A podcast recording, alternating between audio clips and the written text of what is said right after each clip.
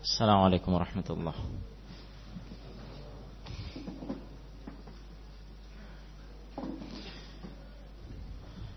بسم الله الرحمن الرحيم. الحمد لله رب العالمين والصلاة والسلام على أشرف الأنبياء والمرسلين وعلى آله وأصحابه أجمعين. أما بعد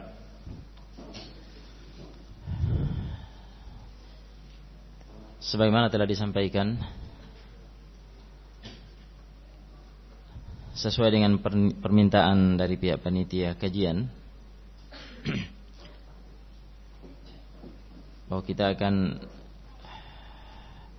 melakukan kajian yang sifatnya rutin insyaallah. Semoga Allah mudahkan. Sehingga dipilih untuk mempelajari sebuah kitab yang sifatnya kita akan kaji secara rutin sampai tuntas nanti. Bismillah taala. Yaitu pengurusan jenazah. Dalam hal ini sebagaimana sebagian dari antum sudah pernah mendengar mengetahui beberapa kali kami bawakan daurah di berbagai tempat seputar pengurusan jenazah dengan buku yang telah kami tulis yang berjudul Panduan Mudah Mengurus Jenazah. Panduan Mudah Mengurus Jenazah. Buku ini adalah syarah penjelasan terhadap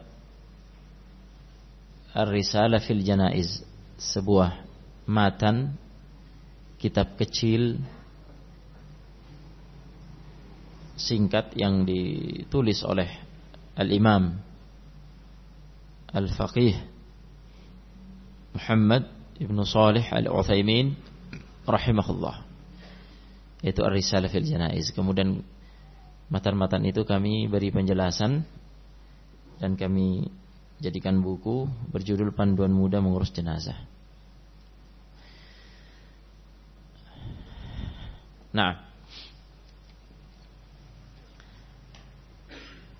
kita mulai dengan bab yang pertama, hukum-hukum memandikan jenazah. Kata Imam Al-Utsaimin rahimahullah Ahkamu tagsilil mayyit Alhamdulillahi rabbil alamin wa ashhadu an la ilaha illallah wahdahu la syarika lah ilahul awwalin wal akhirin anna muhammadan abduhu wa rasuluh khatamun nabiyyin وإمام المتقين صلى الله عليه وعلى آله وأصحابه ومن تبعهم بإحسان إلى يوم الدين وسلم تسليما. أما بعد فهذه نبذة تتعلق بتغسيل الميت وتكفينه ودفنه. وقبل أن نشرع في المقصود نقدم هذه الفقرات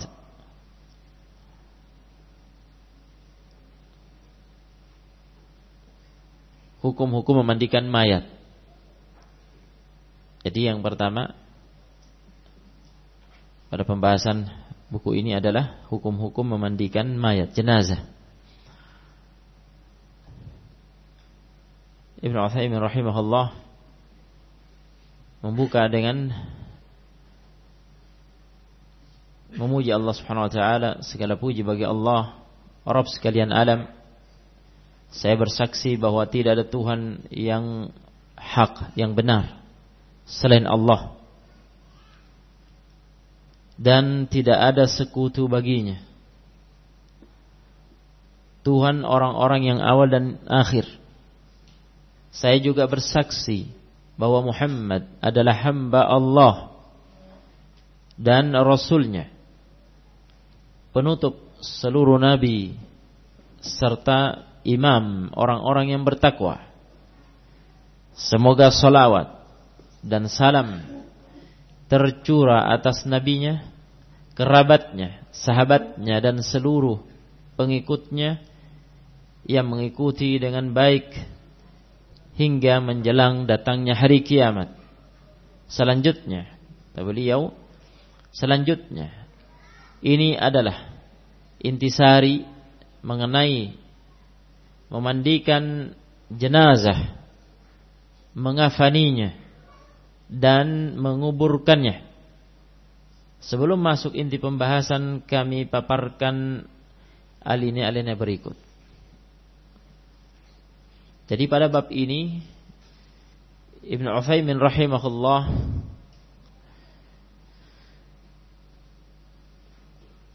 mengawali dengan menyebutkan hukum hukum memandikan jenazah, mengafaninya dan menguburkannya. Kurang ada yang kurang yaitu apa? Menyolatkannya. Nah, memandikan, mengafani lengkapnya menyolatkan dan menguburkan. Baik.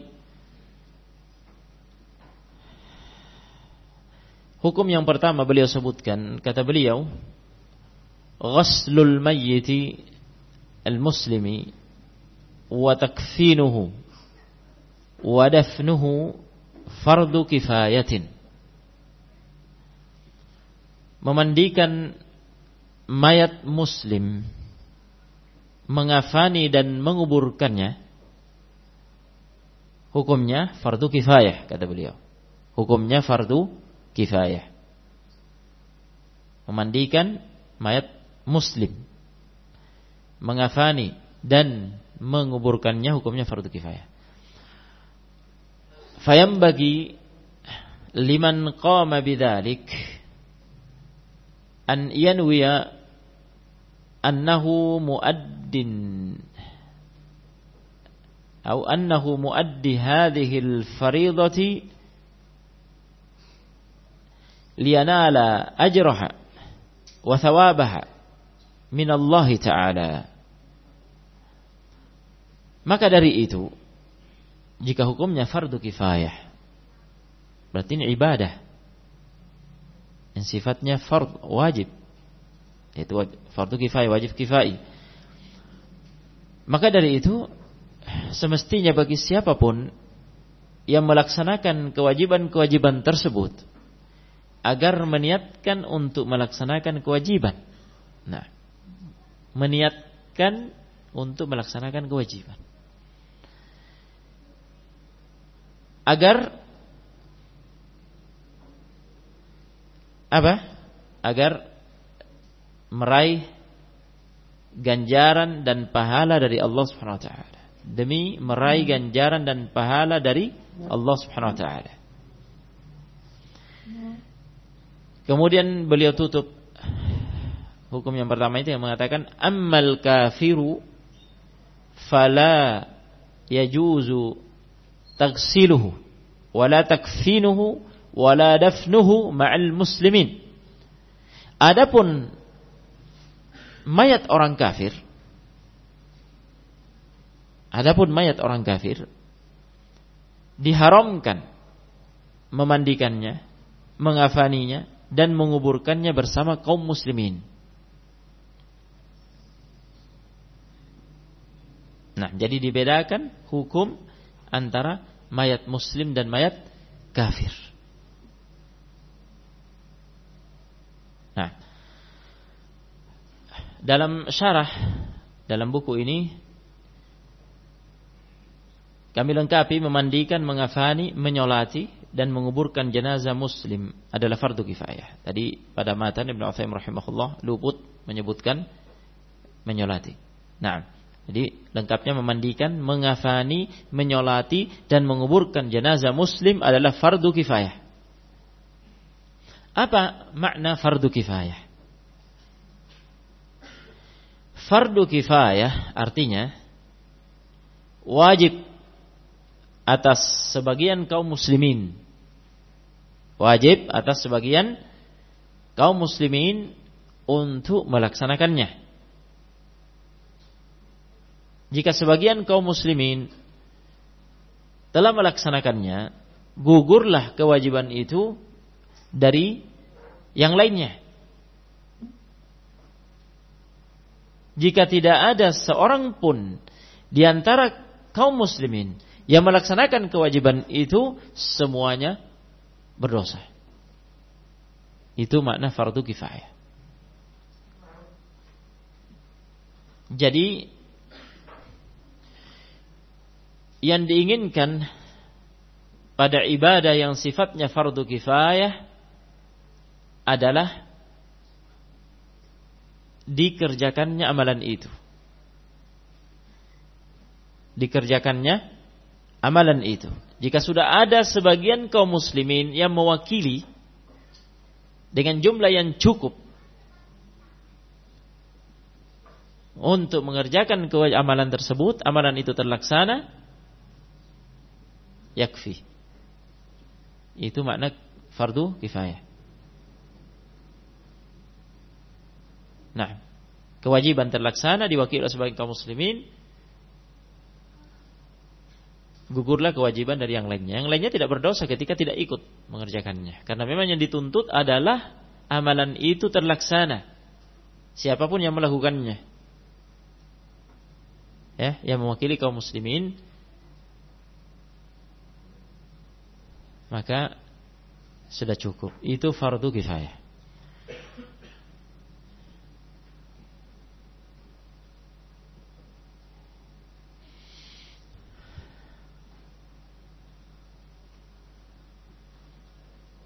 Kita mulai dengan yang pertama yaitu memandikan.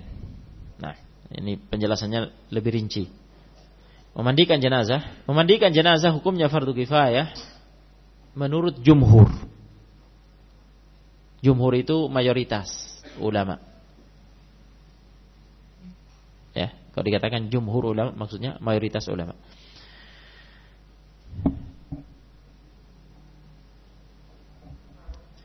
Artinya apa? Berarti ada perbedaan pendapat. Dalam hal ini ada sebagian fuqaha Malikiyah. Ada sebagian fuqaha Malikiyah yaitu fuqaha pengikut madhab Maliki. Nah, madhab Malik. Sebagian dari fuqaha Malikiyah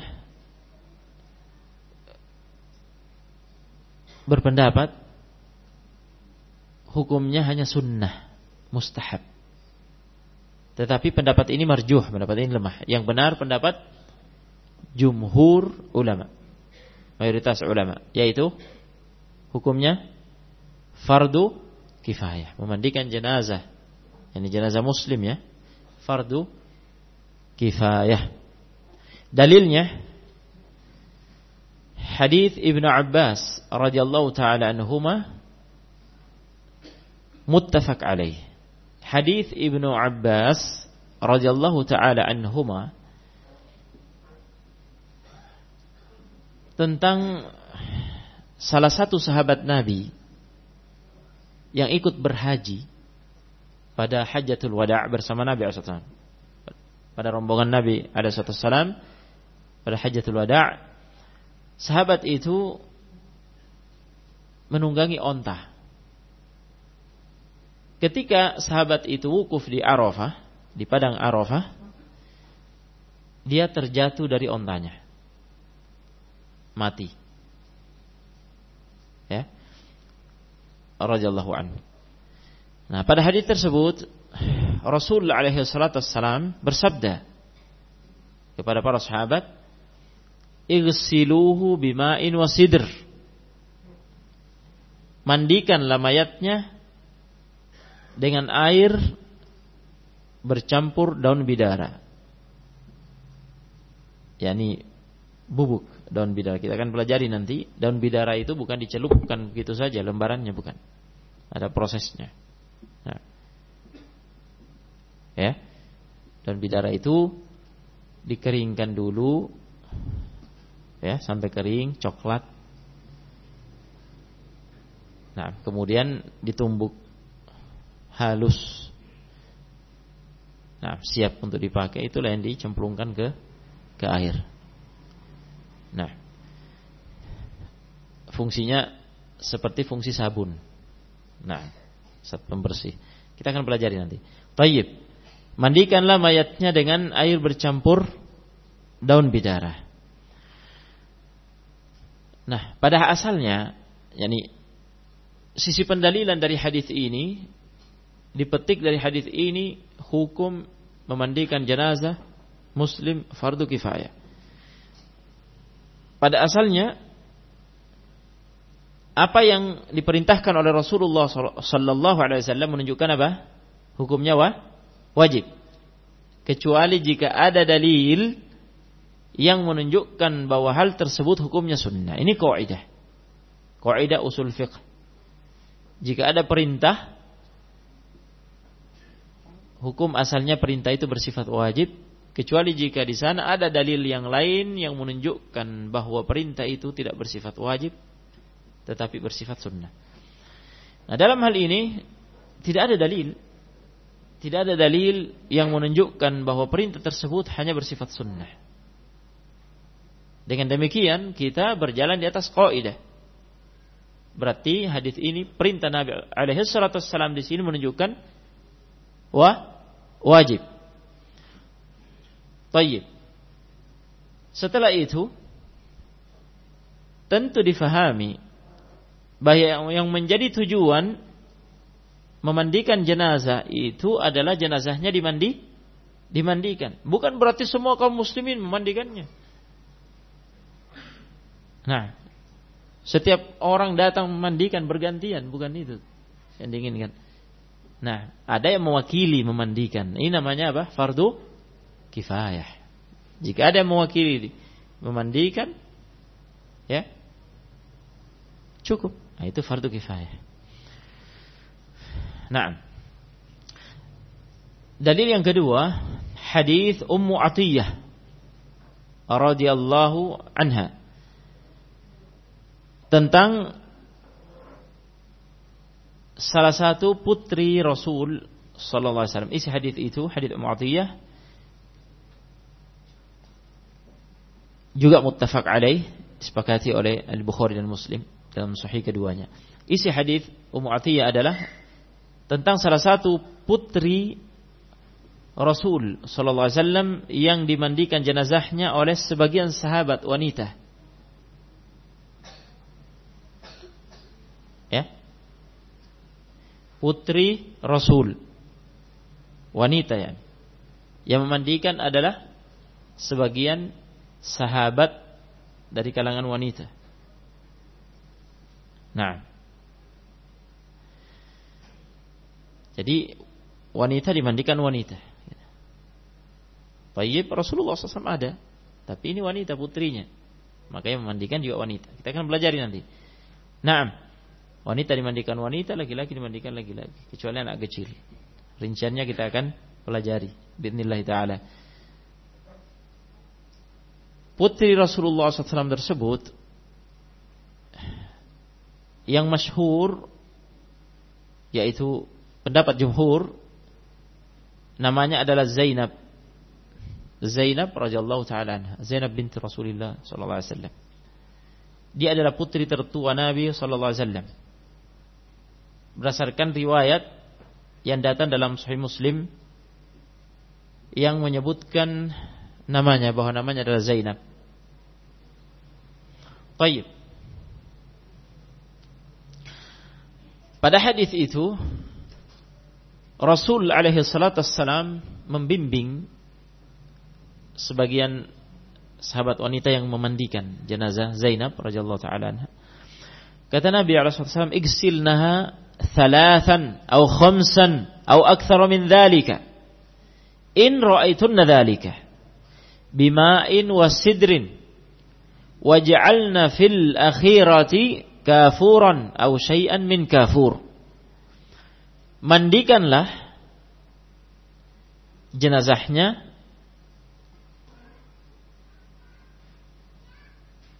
dengan air bercampur daun bidara sebanyak tiga kali atau lima kali atau lebih dari itu. Jika kalian memandang demikian yakni tergantung pandangan kalian. Jika tiga kali cukup tiga kali. Jika butuh lebih dari itu berarti lima kali. Ganjil. Jika lima kali belum cukup belum bersih tambah sampai tujuh kali.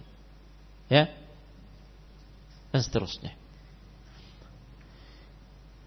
Dan campurkanlah kapur barus pada basuhan yang terakhir kalinya. Ya. Kapur barus itu digerus sampai halus kemudian dicampur untuk basuhan yang terakhir. Nah, yang ketiga kalau tiga kali, yang kelima kalau lima kali dan seterusnya. Nah, nah di sini Nabi Rasulullah memerintahkan, iya kan? Nabi memerintahkan mandi mandikan. Nah, kaidahnya sama dengan eh, pen, sisi pendalilannya sama dengan penjelasan hadis yang pertama, berjalan di atas kaidah bahwa hukum asal perintah Nabi apa? Menunjukkan wah wajib selama tidak ada dalil yang menggesernya ke hukum mustahab sunnah. Di sini tidak ada, berarti wajib. Nah, dan yang diinginkan jenazahnya termandikan. Ya, diwakili oleh sebagian kaum muslimin Nah, berarti fardu kifayah. Perlu diketahui bahwa memandikan jenazah jenazah muslim adalah hak setiap muslim yang meninggal dunia. Yang wajib ditunaikan oleh saudaranya sesama muslim yang masih hidup. Jadi itu hak saudara kita ketika dia wafat, meninggal, haknya dia untuk di sucikan dengan dimandikan. Dan itu kewajiban atas kita menunaikan haknya. Bahkan ya hal itu adalah hak yang paling agung yang wajib ditunaikan oleh sesama muslim untuk memandikan saudaranya agar menghadap Rabbnya dalam keadaan suci. Nah, yang kedua mengafani jenazah. Mengafani jenazah hukumnya fardu kifayah menurut ijma'. Mengafani jenazah hukumnya fardu kifayah ini disepakati oleh ulama. Tidak ada perbedaan pendapat. Ijma' ulama ijma' sepakat. Dalilnya hadis Ibnu Abbas radhiyallahu taala anhuma yang telah kita lewati tadi muttafaq alaih ya kelanjutan hadis setelah Nabi alaihi salatu mengatakan. Masih ingat tadi hadis Ibnu Abbas? Apa itu? Ada salah satu sahabat yang ikut berhaji bersama Nabi SAW dia jatuh dari ontanya di padang Arafah ketika wukuf mati. Kata Nabi alaihi salatu iksiluhu bima'in wasidr mandikan dia dengan air bercampur daun bidara. Kelanjutan hadis Kata Nabi, wa kaffinuhu fi thawbaini wa fi riwayatin fi thawbaihi. Dan kafani dia dengan dua pakaian. Dalam riwayat lain diperjelas, dua pakaian yang dimaksud adalah dengan kedua pakaian ihramnya. Hukum ini khusus untuk muslim yang wafat dalam keadaan dia masih ber berihram. Ihram haji atau ihram umrah. Belum tahallul. Sedang berihram. Di antara hukum yang berlaku pada orang yang berihram untuk haji atau umrah adalah ya terkait dengan pakaian ihram. Nah, yaitu dua pakaian bagian bawah kain yang dijadikan sebagai sarung yang menutup aurat bagian bawah dan yang, yang atas menutup tubuh bagian atas yaitu rida. Nah, dua pakaian. Nah, jika seorang muslim berihram kemudian dia meninggal dalam keadaan masih berihram, Ya, berdasarkan hadis ini dia dikafani dengan dua pakaian ihramnya. Nah. Sisi pendalilan ya sama dengan apa yang telah lewat berdasarkan kaidah hukum asal perintah Nabi alaihi menunjukkan wajib selama tidak ada dalil yang menggesernya ke hukum mustahab dan di sini tidak ada. Ya. Dan yang diinginkan dituntut adalah jenazahnya terkafani. Bukan berarti semua kaum muslimin satu persatu pergi mengkafani. Nah, berapa kain kafan kalau setiap orang harus datang mengkafani? Nah, jadi yang penting terkafani sesuai yang ditentukan syariat. Jadi sebagian kaum muslim mewakili. Jika terkafani cukup, ini namanya fardu kifayah. Yang ketiga, menyolati jenazah.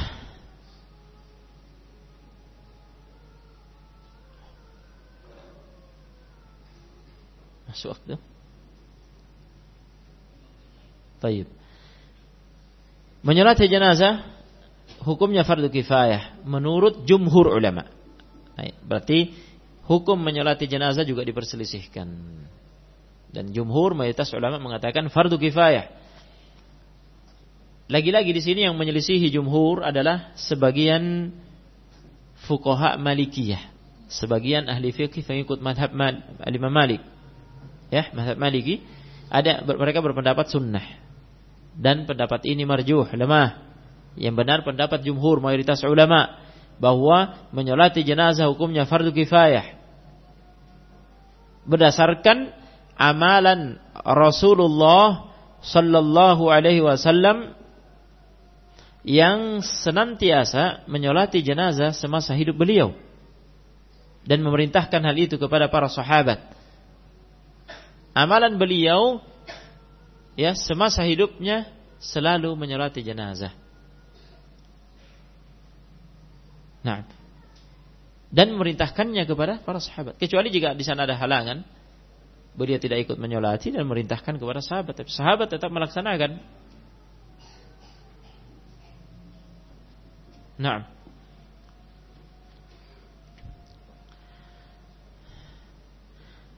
Hadis-hadis tersebut di antaranya yang pertama hadis Buraidah yang mungkin bisa kita sebutkan hadis Buraidah Ibn Husayb radhiyallahu taala anhu.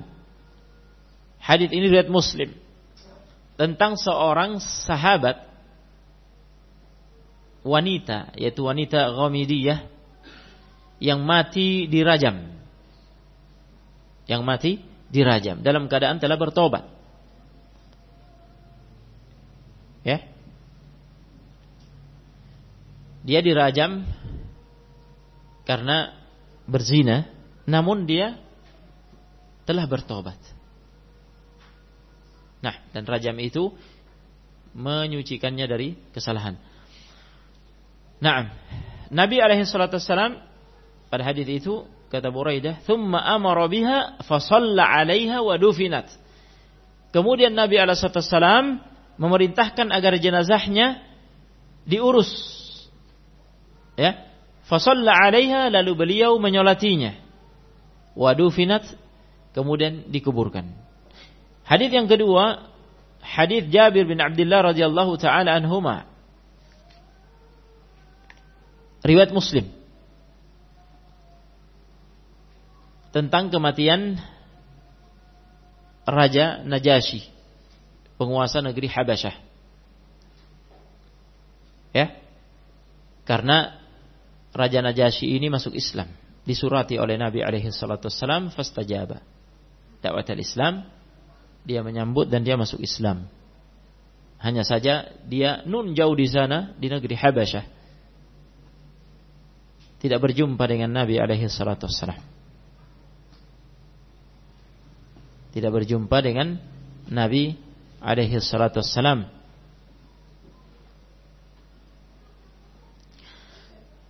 Nah, namun karena dia satu-satunya yang muslim di negeri itu, di negeri Habasyah berarti tidak ada yang mengurusnya.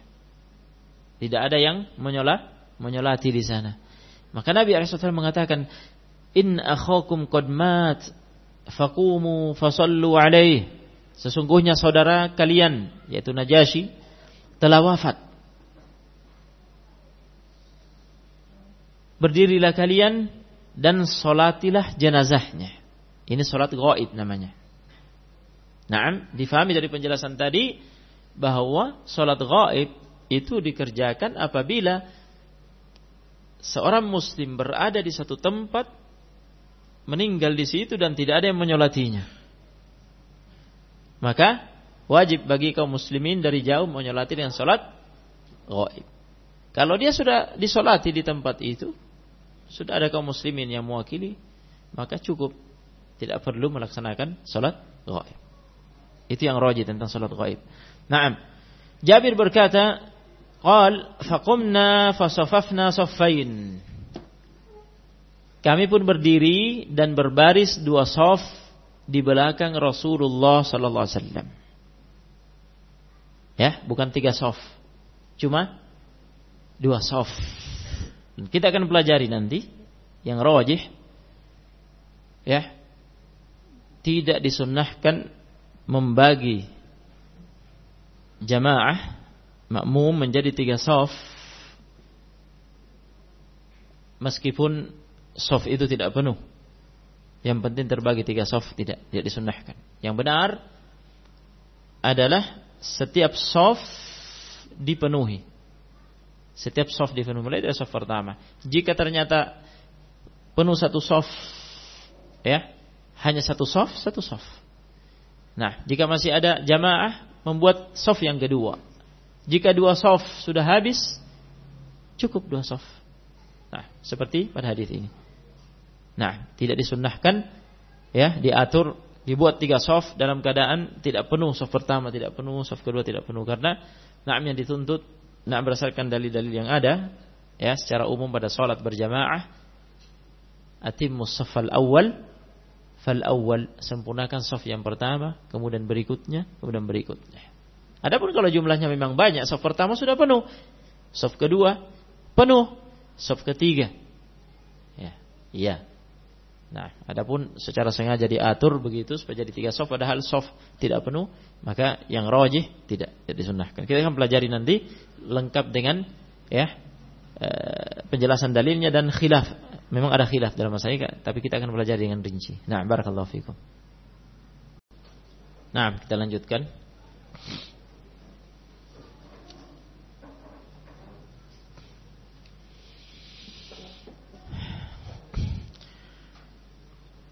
Yang keempat, menguburkan jenazah.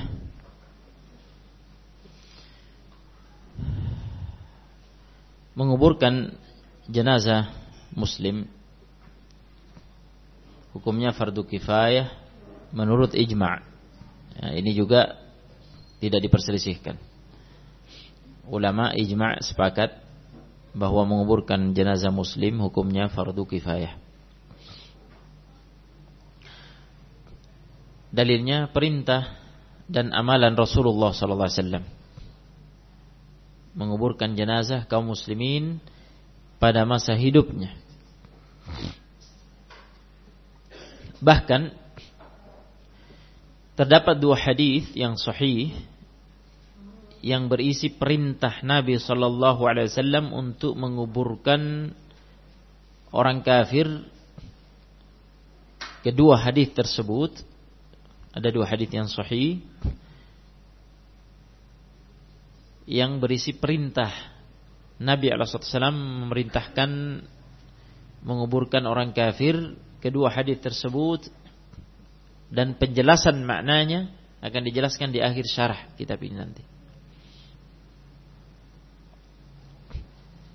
Nah,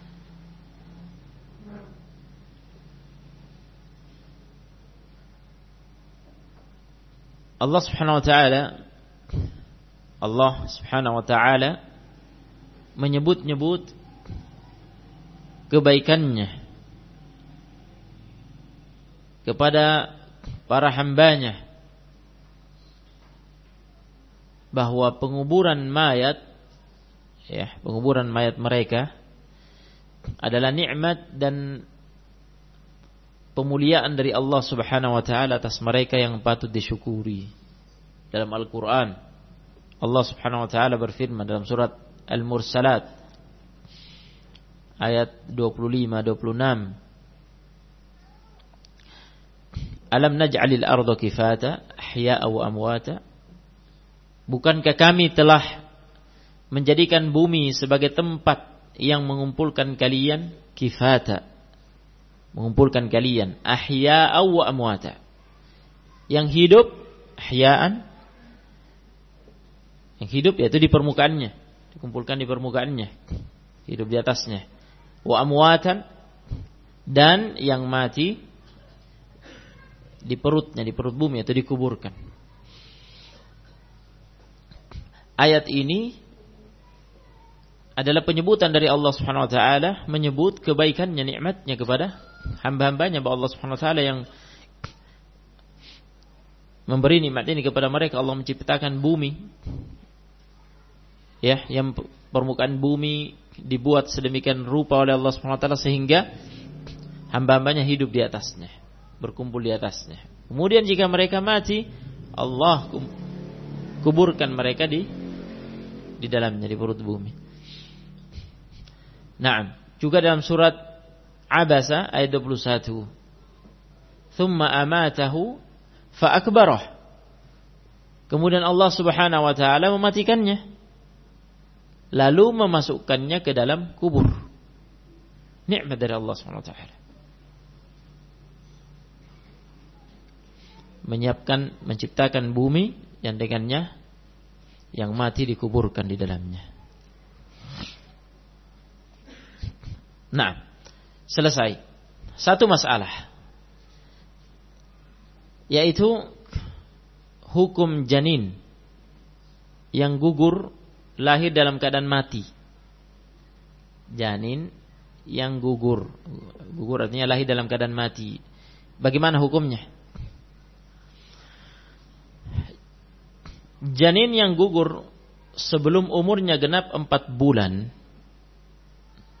4 bulan yang dimaksud adalah 120 hari.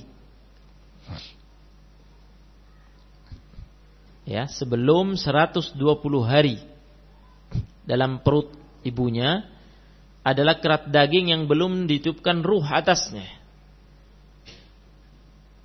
Jika janin itu dalam perut ibunya belum genap 120 hari, berarti belum ditiupkan ruh. Dengan demikian, kerat daging itu dipendam di tempat mana saja, terserah di mana, tidak dimandikan, tidak dikafani, tidak disolati. Adapun yang gugur setelah umurnya genap 4 bulan, yaitu genap 120 hari. Dalam kandungan. Maksud genap 120 hari maksudnya hari ke-120-nya, ya, hari hari ke-120 janin itu dalam perut ibunya telah genap. Berarti sudah menuju ke 121.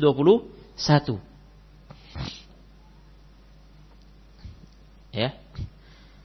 Berarti telah ditutupkan ruh. Sudah ada ruhnya.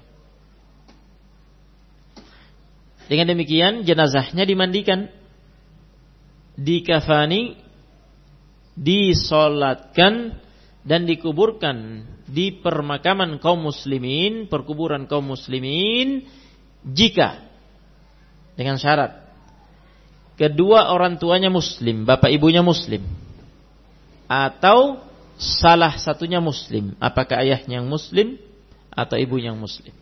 Salah satu dari kedua orang tuanya muslim meskipun yang lainnya kafir.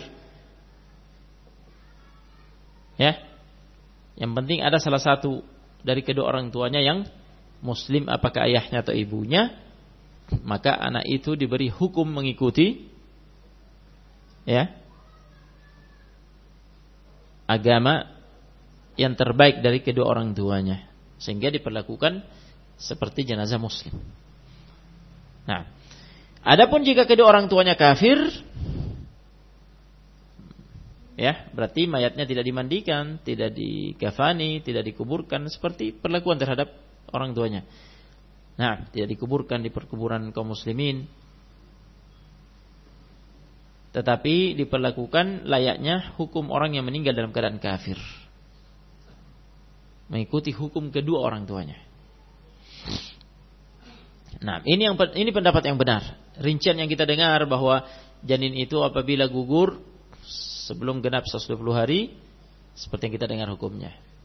Ya, apabila sudah genap 120 hari. Ini sudah lebih dari 120 menuju 121 dan seterusnya ya hukumnya seperti yang kita dengar karena sudah ditutupkan ruh dalilnya hadis Ibnu Mas'ud radhiyallahu taala anhu muttafaq alaih Rasulullah SAW bersabda in ahadakum inna ahadakum yujma'u khalquhu fi batni ummihi arba'ina yawman.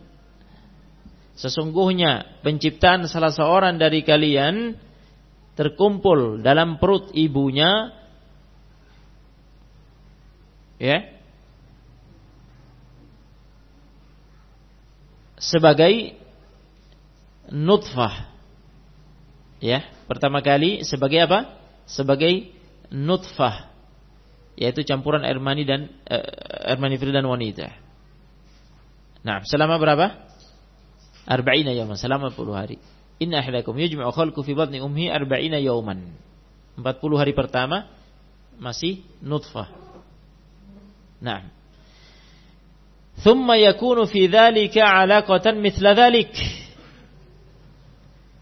Kemudian menjadi segumpal darah selama 40 hari pula.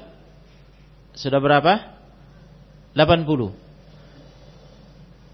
Setelah genap 80, thumma yakunu fi dzalika mudghatan mithla. Kemudian menjadi sekerat daging selama 40 hari pula. Berapa? 120. Thumma kemudian nah, kalau sudah melewati 120, 120-nya sudah genap dan melewati Kemudian diutuslah. Thumma yursalul malaku fayanfukhu fihi ruha wa yu'maru bi arba'i kalimatin bi katbi rizqihi wa amali wa wajalihi wa amalihi wa syaqiyyun aw sa'idun. Kemudian diutus kepadanya satu malaikat yang meniupkan ruh padanya dan diperintah untuk menulis, mencatat empat perkara baginya yaitu rezeki, ajal, amalan dan nasibnya. Apakah nasibnya celaka sebagai penghuni neraka di akhirat atau beruntung sebagai penghuni surga. Ya. Pencatatan yang dilakukan oleh malaikat itu hanya menyalin apa yang ada dalam Allahul Mahfuz. Hanya menyalin apa yang sudah tercatat ditakdirkan Allah SWT dalam Allahul Mahfuz. Nah, asyahid yang diinginkan dari hadis jika sudah genap 120 ya, melewati 120 diutuslah malaikat untuk meniupkan ruh. Nah, berarti sudah terdiri dari jasad dan ruh. Nah, berarti kalau janin itu gugur setelah genap 120, setelah melewati 120 berarti ada ruh yang dicah dicabut dari jasadnya. Maka jenazahnya di apa? Dimandikan, dikafani, disolati, dan dikuburkan di perkuburan kaum muslimin dengan syarat kedua orang tuanya muslim atau salah satunya muslim. Baik.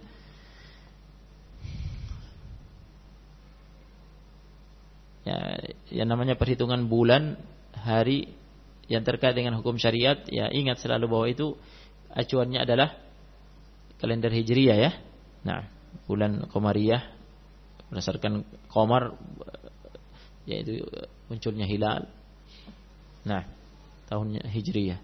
Tayyib.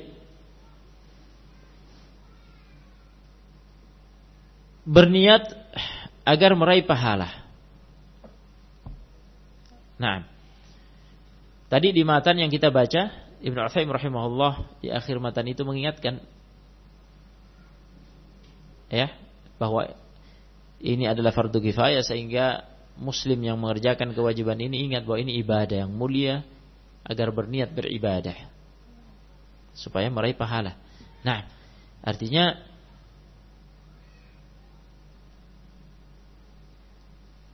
ketika mengerjakan amalan-amalan tersebut, memandikannya, mengafaninya, ya. Ingat bahwa ini ibadah, dia sedang mengerjakan ibadah. Bukan bukan adat. Nah, itu pula ketika menguburkannya. Kalau menyelatkannya jelas ya, mana sholat. Nah, jadi jangan sampai lalai dari perkara ini. Nah, mengafani, memandikan, mengafani, menguburkan hanya sebagai tradisi saja gitu. Nah, ini ibadah. Sehingga ketika mengerjakan itu niatkan beribadah kepada Allah Subhanahu wa taala agar mendapatkan pahala. Nah. Tadi di matan juga ditegaskan haram mengurusi jenazah orang kafir. Nah, haram mengurusi jenazah orang kafir dan menguburkannya bersama kaum muslimin. Nah, penjelasannya menurut madhab Ahmad dan Malik. Menurut madhab dua imam Imam Ahmad, Imam Malik haram memandikan jenazah kafir, mengafaninya, menyolatinya, mengiringi jenazahnya dan menguburkannya bersama kaum muslimin. Apa alasannya? Apa dalilnya? Ya. Alasannya hal-hal tersebut mengandung makna memuliakan. Mengurusi jenazah orang kafir berarti memuliakannya dan memberi manfaat kepadanya. Sedangkan mayat orang kafir tidak memiliki hak untuk itu, dia tidak punya hak. Karena dia mati di atas kekafiran. Dia tidak pantas mendapatkan pemuliaan dari kaum muslimin. Ya. Oleh karena itu Allah Subhanahu wa taala berfirman kepada nabinya alaihi salatu wassalam dalam surat At-Taubah ayat 84, "Wa la tusalli ala ahadin minhum mata abada." wala taqum ala qabrih innahum kafaru billahi wa rasulihi wa matu wa hum fasiqun janganlah engkau menyolati jenazah seorang yang mati di antara mereka. Ayat ini terkait kaum munafik ya dan sama hukumnya dengan munafik orang yang terang-terangan menunjukkan ke kekafirannya. Munafik artinya dia kafir sebenarnya. Batinnya kafir. Ya tetapi lahiriahnya menampakkan keislaman. Nah, maka diterima oleh kaum muslimin. Nah, jadi sama hukumnya dengan orang kafir, orang munafik, orang musyrik, orang kafir semua sama hukumnya dalam hal ini yaitu wala tusalli ala ahadin minhum mata abada. Janganlah engkau menyolati jenazah seorang yang mati di atas eh, di antara mereka. Wala taqum ala qabrih dan jangan pula engkau berdiri di atas kuburannya setelah penguburannya untuk mendoakannya, jangan. Kenapa? Apa illatnya? Apa faktor hukum larangan itu? Sesungguhnya innahum kafaru billahi wa rasulihi wa matu wa hum fasiqun. Sesungguhnya mereka telah kafir kepada Allah dan Rasulnya dan mereka mati dalam keadaan fasik. Nah, nah kata ulama jika Allah Subhanahu wa taala melarang nabinya sallallahu alaihi wasallam untuk menyolati mayat orang kafir pada ayat ini dan melarang nabinya untuk berdiri di atas kuburannya dalam rangka mendoakannya lebih-lebih lagi dilarang memuliakannya dan memberi manfaat lain yang lebih kecil nilainya daripada itu. Yang paling dibutuhkan oleh oleh oleh mayat di antara ya pengurusan itu dan paling bermanfaat baginya yang paling besar manfaatnya adalah apa? Disolati dan didoa, didoakan. Naam. Apabila Allah Subhanahu wa taala melarang disolati, melarang didoakan, lebih-lebih ya pengurusan yang manfaatnya lebih kecil dari itu, memandikannya dan mengafaninya, menguburkannya. Nah, demikian kata ulama. Nah, dan pendapat ini telah dibenarkan, dirojihkan oleh Ibn Uthaymin. juga Ibnu Qudamah. Tayyib. Al-Albani rahimahullah. Al-Albani juga membenarkan hal ini bahwa tidak disyariatkan bagi kaum muslimin secara umum termasuk kerabat termasuk kerabat kerabat mayat kafir ini ya tidak disyariatkan bagi mereka untuk memandikan jenazah. Ya kafir itu eh, mengafani menyolati dan mengantar jenazahnya. Nah Al Albani setuju dengan pendapat tadi. Dalam hal tidak disyariatkan ya termasuk kerabatnya sekalipun untuk memandikan jenazah orang kafir itu, mengafaninya, menyolatinya dan mengantar jenazahnya. Nah, dan Al-Albani rahimahullah menguatkan perkara ini dengan hadis Ali radhiyallahu taala anhu ya ketika wafat ayahnya yaitu Abu Thalib. Hadis riwayat Ahmad, Abu Dawud, An-Nasai, Al-Baihaqi dan yang lainnya, hadis itu dinilai sahih oleh Al-Albani dan dinilai hasan oleh Syekhuna eh, Al-Wadi'i, Mukbil Al-Wadi'i. Nah, tentang kematian siapa? Ayah Ali bin Abi Thalib radhiyallahu taala Ayahnya siapa namanya? Abu Thalib, mati di atas kekafiran. Rasulullah SAW bersabda kepadanya, yakni kepada Ali, "Idhab fawari abak." Berangkat kamu, wahai Ali, berangkat ya, dan kuburkan ayahmu. Jadi Nabi SAW memerintahkan Ali radhiyallahu taala untuk menguburkan ayahnya. Nah, kata Al-Albani pada hadis ini Nabi alaihi tidak melakukan, tidak memerintahkan dan tidak melakukan hal-hal itu kepada jenazah Abu Thalib. yakni tidak memandikan, tidak mengafani, tidak menyolati. Nabi tidak melakukannya. Padahal itu pamannya, pembelanya di masa hidupnya, pelindungnya di masa hidupnya. Sayangnya cuma satu. Ya. Tidak mau ber, beriman. Nah. Tidak mau beriman. Karena gengsi kepada kaumnya. Nah, dia pembesar kaumnya. Ya. Pembesar tokoh Bani Hashim. Laulal malamatu wa hadaru masabbatin lawajadtani samhan bidzaka mubina. Sudah dia tahu ajaran yang dibawa oleh Nabi SAW itu yang terbaik dari seluruh agama yang ada. Dia mengakui.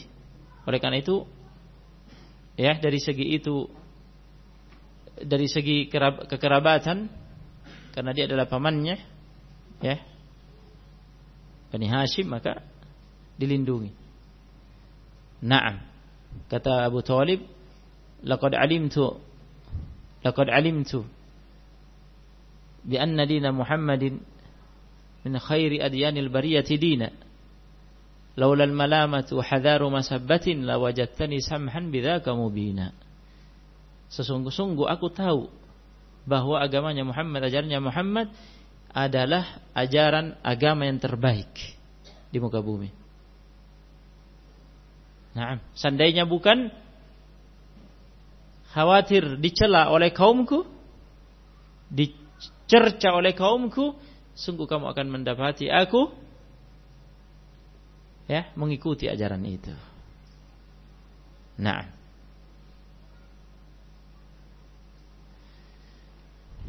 dan di saat wafatnya Nabi SAW berusaha mengajaknya tapi dihalang-halangi oleh Abu Jahal Fir'aunnya umat umat ini. Nah, ya, ujahal ini memang musibah.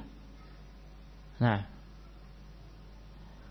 dia penghalang dari jalan Allah Subhanahu Wa Taala, termasuk Abu Talib korbannya dan yang lainnya.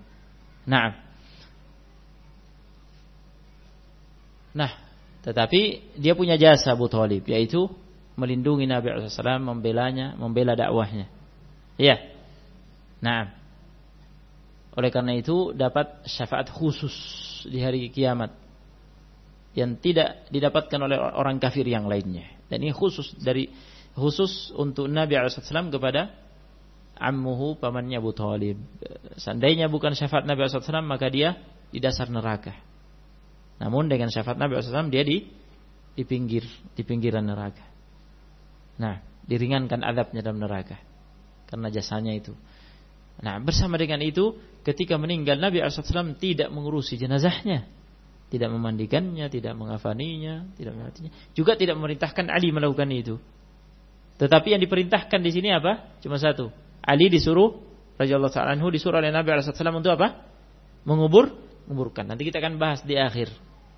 Nah, ya, kita akan bahas di akhir. Naam,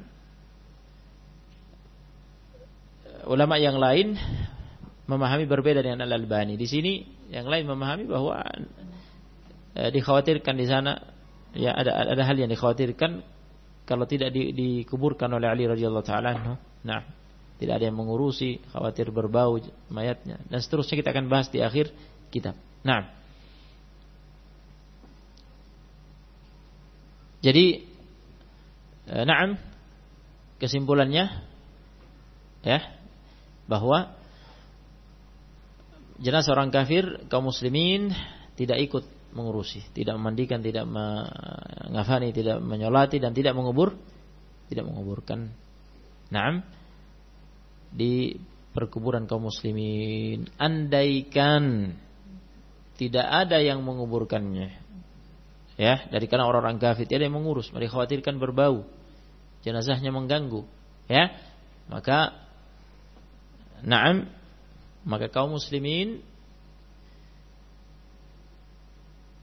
mengambil alih urusan itu tetapi bukan dikuburkan di perkuburan kaum muslimin tidak. Nah, ya. Dia di di dipendam di mana saja, ya. Dilemparkan ke dalam lubang, ditutup. Nah. Tayyib. Ini selesai hukum yang pertama.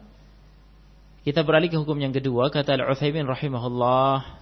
Al-ghasilu mu'tamanun ala al-mayyiti fayajibu alaihi an yaf'ala ma yalzamu fi tagsilihi wa ghairih. Yang memandikan terpercaya atas mayat. Maka dari itu wajib baginya melaksanakan apa-apa yang harus dilaksanakan dalam memandikannya dan selainnya. Ya. Jadi yang bertugas mewakili kaum muslimin melaksanakan fardu kifayah ini memandikan itu adalah wakil kaum muslimin ya dipercaya yang demikian dia wajib memandikan jenazah sebagaimana mestinya Berarti orang itu harus mengerti, mengetahui. Nah, bukan sembarangan. Tayyib.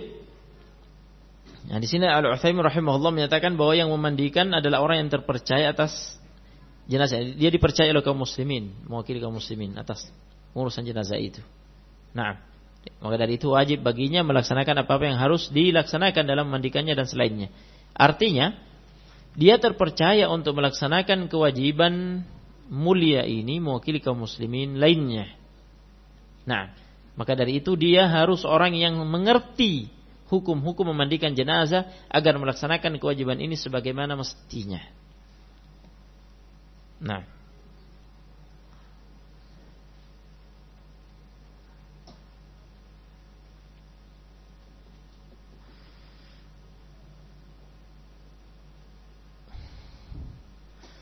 Hukum yang ketiga, Al-Imam Al-Utsaimin rahimahullah berkata, Al-ghasilu mu'tamanun 'ala al-mayyit fayajibu 'alaihi an yastura ma ra'ahu fihi min makruhin.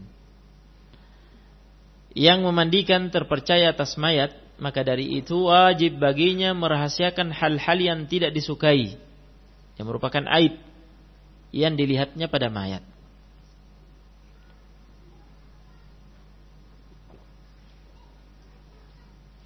Nah, jadi ini sekarang pembahasannya apa? Hukum apa? Wajib menjaga rahasia jenazah yang dimandikan. Wajib menjaga rahasia aib jenazah yang dimandikan.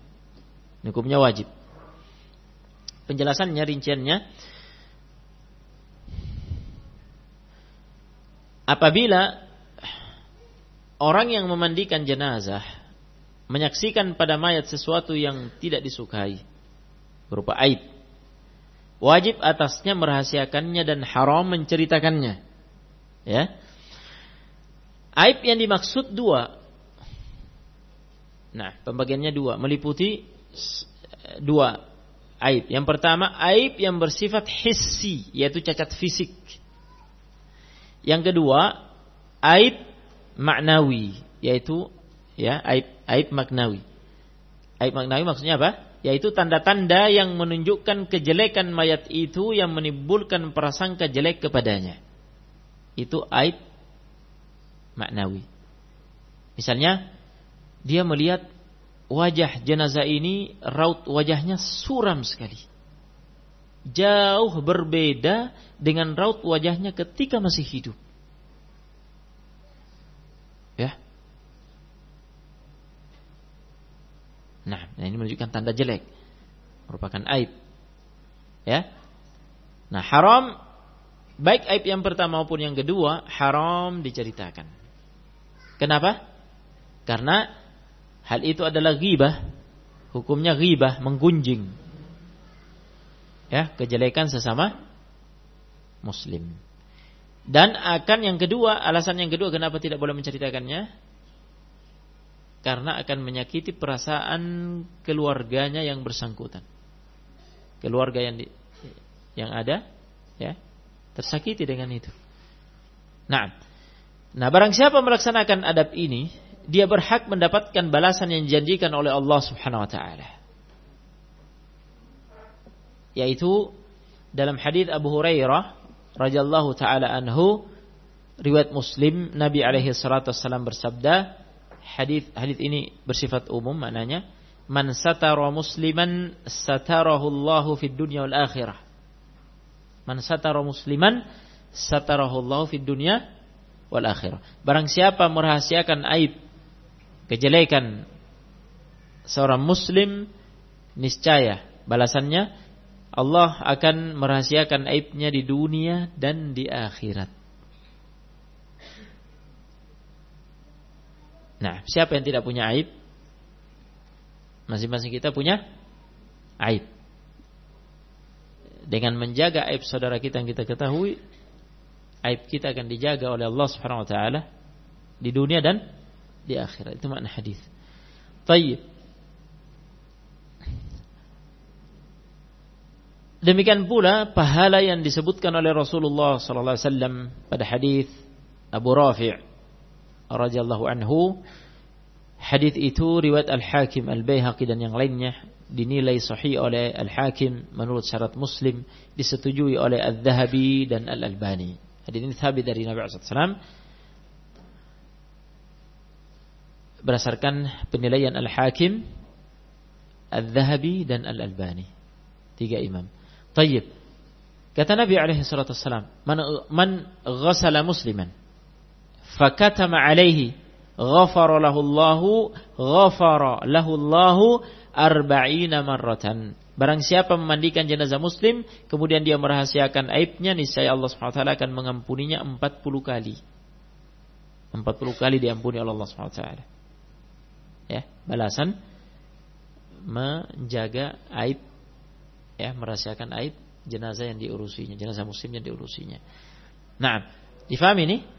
Tetapi ada perkecualian. Ada perkecualian. Apa perkecualiannya? Ulama memperkecualikan ya dalam masalah ini jenazah mubtadi' jenazah seorang mubtadi' mubtadi' itu ahlul bid'ah ya penganut bid'ah pelaku bid'ah yang statusnya dai penyeru bid'ah. Da'in ila bid'ati. Nah para penganut bid'ah pelaku bid'ah itu kan bertingkat-tingkat. Nah jika tingkatan dia sebagai dai dia dai, dai bid'ah. Dai yang menyeru, mengajak kepada bid'ah. Nah, ya, Kan ada yang berstatus dai, ada yang tidak berstatus dai. Yang statusnya dai, dai bid'ah, ah ini. Ya, yang dikecualikan oleh ulama. Jika terlihat pada raut wajahnya sesuatu yang tidak disukai, hendaknya diceritakan. Ya, hendaknya diceritakan. Tujuannya apa? Sebagai tahdir. Tahdir itu peringatan. Tahdir peringatan bagi kaum muslimin agar mereka berhati-hati. Ya, agar berhati-hati dan mereka menjauhkan diri dari seruan bid'ahnya yang sesat. Nah, agar kaum muslimin berhati-hati dan menjauhkan diri dari seruan bid'ahnya yang sesat. Nah, ini orang ini kematiannya seperti ini. Ya, ada tanda-tanda jelek padanya. Nah, agar difahami kaum muslimin, wah ini berarti jangan ikuti seruannya. Ketika dia hidup, dia menyeru kepada ini dan itu merupakan bid'ah dan diikuti. Karena ternyata akibatnya kematiannya jelek. Nah, Tayyib jadi sebagai tahdir. Sebaliknya, Nah ini tadi terkait dengan aib yang dilihat pada jenazah. Pembahasan berikutnya sebaliknya. Jika melihat sesuatu yang bersifat maknawi yang disukai pada mayat yang merupakan tanda kebaikan atas kematiannya sebaiknya diceritakan nah sebab hal itu akan menimbulkan baik sangka kepada kaum muslimin terhadapnya dan mereka akan mendoakan kebaikan. Ya, semoga orang itu mendapat rahmat Allah Subhanahu wa taala.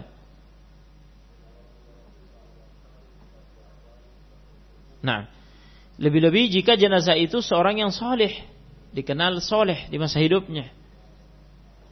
Ya, agar memberi dorongan kaum muslimin untuk mencontoh meneladani kesolehannya. Nah, Adapun jika dia adalah dai bid'ah, dai penyeru bid'ah, kemudian ada tanda baik pada kematiannya, sembunyikan. Ya, tidak boleh diceritakan. Kenapa? Pertanyaan pertama, mungkin muncul pertanyaan, dia dai bid'ah. Kan, dia kan orang sesat. Bahkan dai penyeru kesesatan. Tapi kok bisa ada tanda baik pada kematiannya? Nah. Ya. Boleh jadi ketika menjelang wafat dia Hah? Tobat. Dia tobat, rujuk tobat dan baik tobatnya diterima oleh Allah Subhanahu wa taala, diampuni oleh Allah Subhanahu wa taala sehingga wafat dalam keadaan baik. Iya kan? Nah, tetapi kaum muslimin kan tidak tahu ini. Hah? Kaum muslim tidak tahu, tahunya ya bid'ah yang dia serukan itu. Kalau kemudian diceritakan bahwa dia meninggal dalam keadaan baik, ada tanda baik, kaum muslimin akan terkecoh. Ya, karena tidak faham. Dikhawatirkan mereka akan mengikuti seruannya dulu ketika masih hidup. Disangka itu ya di antara sebab dia mati dengan ya kebaikan. Difahami? Nah, كيف الوقت masih lanjut lanjut nah keempat hukum yang keempat kata Al-Utsaimin rahimahullah al-ghasilu mu'tamanun 'ala al-mayyit fala yanbaghi ay yumakkana na'am fala yanbaghi ay yumakkina ahadan min al-huduri 'indahu illa man yahtaju ilaihi limusa'adatihi fi taqlibil mayyiti wa sabbil ma'i wa nahwi. Yang memandikan jenazah terpercaya atas mayat. Dia dipercaya. Ya, mungkin kaum muslimin. Maka dari itu tidak sepantasnya dia memberi kesempatan kepada orang lain untuk hadir bersamanya dalam memandikannya kecuali Orang yang dibutuhkan untuk membantunya membalikkan mayat, menuangkan air dan semisalnya. Jadi pembahasan sekarang adalah pembahasan siapa yang boleh hadir dalam proses pemandian mayat. Dari keterangan Al-Utsaimin rahimahullah di buku beliau, matan yang kita dengar tadi, ya, bahwa yang selain yang memandikan nih, selain satu orang yang mewakili memandikan, selain dia, ya, maka tidak sepantasnya di, di diperkenankan hadir. Nah, kecuali yang dibutuhkan bantuannya. Pemandi mayat ini butuh bantuan. Ya. Orang lain yang membantu dia membalikkan mayat, menuangkan air dan semisalnya. Nah, dua orang cukup ya? Hah? Dua orang cukup. Jadi dua, dua orang yang membantu cukup. Dia yang memandikan kemudian dibantu dua, dua orang yang lainnya cukup. Nah,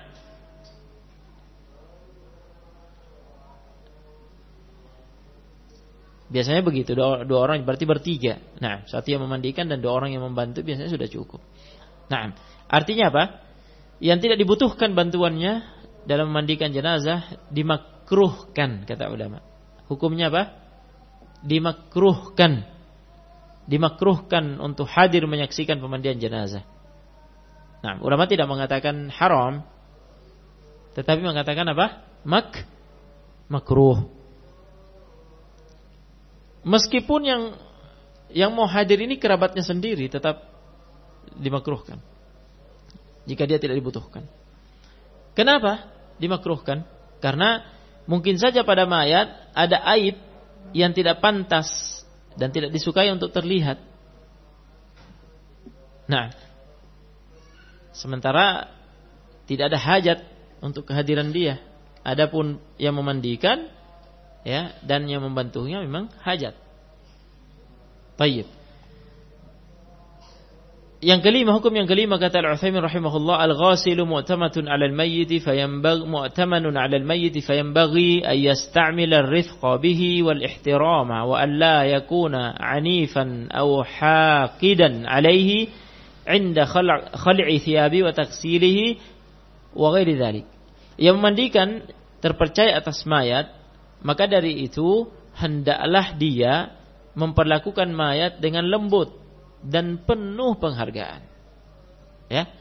Tidak sepantasnya memperlakukan mayat dengan perlakuan kejam atau dendam ketika melepas pakaiannya. Ya, ketika melepas pakaiannya, memandikannya dan selainnya. Jadi, memperlakukan mayat dengan baik.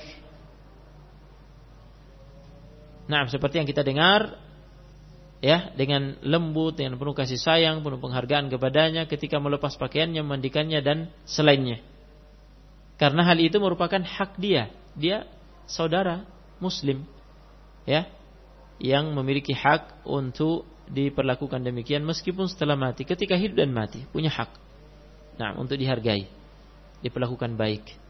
Tayyib jadi tidak boleh diperlakukan kasar ya.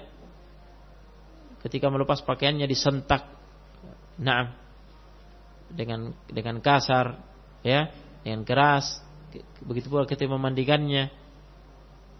Nah, itu bertentangan dengan kasih sayang dan kelembutan. Nah, terhadap uh, sesama muslim. Hukum yang keenam, Al-Imam Al-Utsaimin rahimahullah mengatakan la yaghsilur rajulul mar'ata illa an takuna walal mar'atu lirrajuli illa أن يكون زوجها إلا من دون سبع سنين فيكسله الرجل والمرأة سواءا كان ذكرا أم أنثى. Nah, seorang lelaki tidak boleh memandikan jenazah wanita selain istrinya dan seorang wanita tidak boleh memandikan jenazah lelaki selain suaminya. Artinya yang boleh hanya suami istri saling memandikan jenazahnya. Kalau suami istri boleh, selain itu tidak boleh. Ya, laki-laki dimandikan laki-laki, wanita dimandikan wanita. Kecuali anak kecil, di bawah umur tujuh tahun. Anak kecil di bawah umur tujuh tahun. Kata Ibn Uthaymin. Boleh dimandikan oleh lelaki dan wanita, baik anak itu laki-laki maupun perempuan. Baik, penjelasannya, yang memandikan jenazah adalah yang berjenis kelamin sama. Hah? Yang berjenis kelamin sama. Pada asalnya laki-laki tidak boleh memandikan jenazah wanita yang auratnya sudah memiliki hukum. Nah ini. Yang auratnya sudah memiliki hukum. Apa maksudnya auratnya memiliki hukum? Maksudnya auratnya haram dilihat dan disentuh orang lain. Itu makna auratnya sudah memiliki hukum.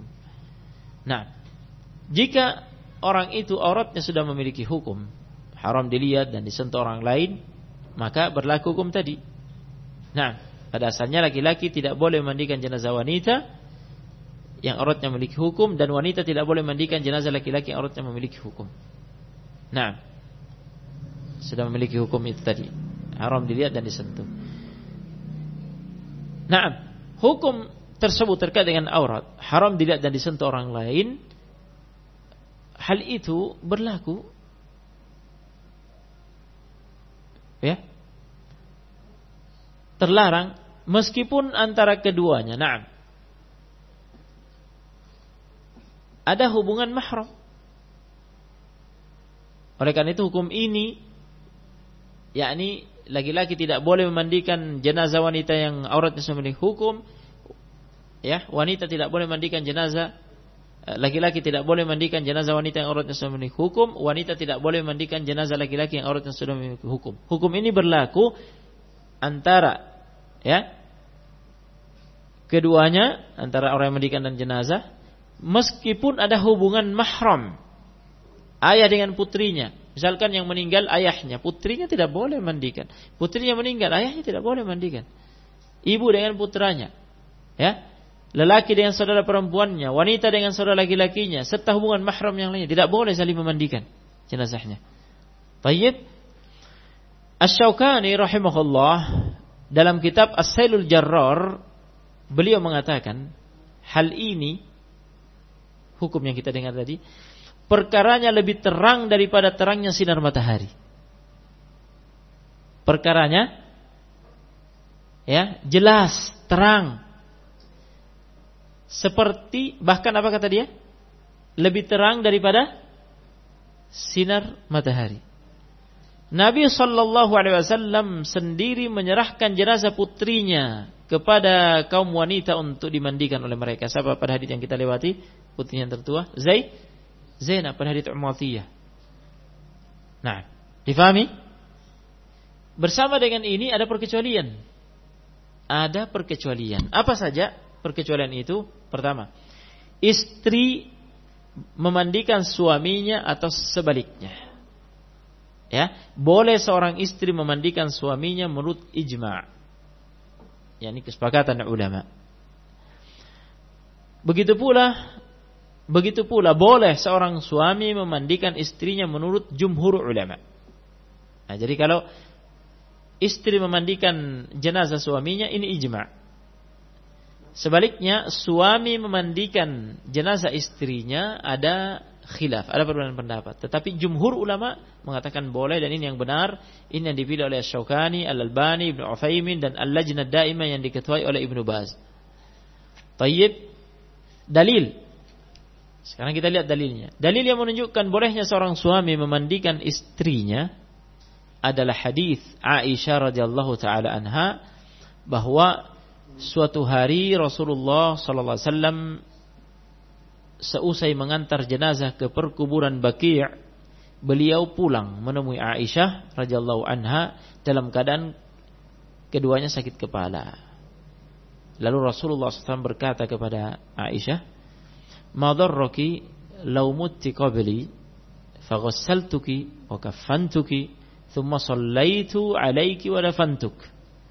Kata Nabi SAW kepada Ummul Mukminin Aisyah radhiyallahu anha, "Apa ruginya kamu seandainya engkau meninggal sebelum aku sehingga aku yang memandikanmu dan mengafanimu kemudian aku menyolatkanmu dan menguburkanmu artinya apa ini dalil boleh suami ya yang memandikan istrinya mengafaninya mengurusi jenazahnya memandikannya mengafaninya menyolatnya dan menguburkannya nah akan tetapi Nabi Alaihissalam kehidupannya poligami. Ucapan ini ditanggapi oleh Aisyah radhiyallahu taala. Nah, bangkit cemburunya. Kata Aisyah radhiyallahu taala anha, "Laka anni bika wallahi law fa'alta dhalika laqad raja'ta ila baiti fa'arasta fihi bi ba'di nisa'ik." Demi Allah kata Aisyah, Sungguh seolah-olah aku menyaksikanmu saat engkau telah melakukan itu. Kau memandikan jenazahku dan seterusnya. Kemudian engkau pulang ke rumahku dan bersenang-senang dengan istrimu yang lain. Nah, ini kehidupan poligami memang begitu ya. Nah. Baik. Jadi harus sabar. Nah. Jangan gampang marah, jangan gampang panik. Nah, bagaimana Nabi SAW menanggapinya? Ini. Ya. Nabi menanggapinya apa? Fatabassama Rasulullah sallallahu alaihi wasallam. Rasulullah SAW pun tertawa. Nah, thumma budia biwaja'ihi alladhi mata fih. Kemudian mulailah beliau merasakan sakit yang mengantarkan pada kematiannya.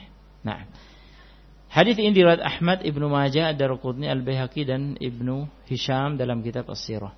Nah, hadis ini singkatnya hadis ini sabit dari Nabi SAW. Nah,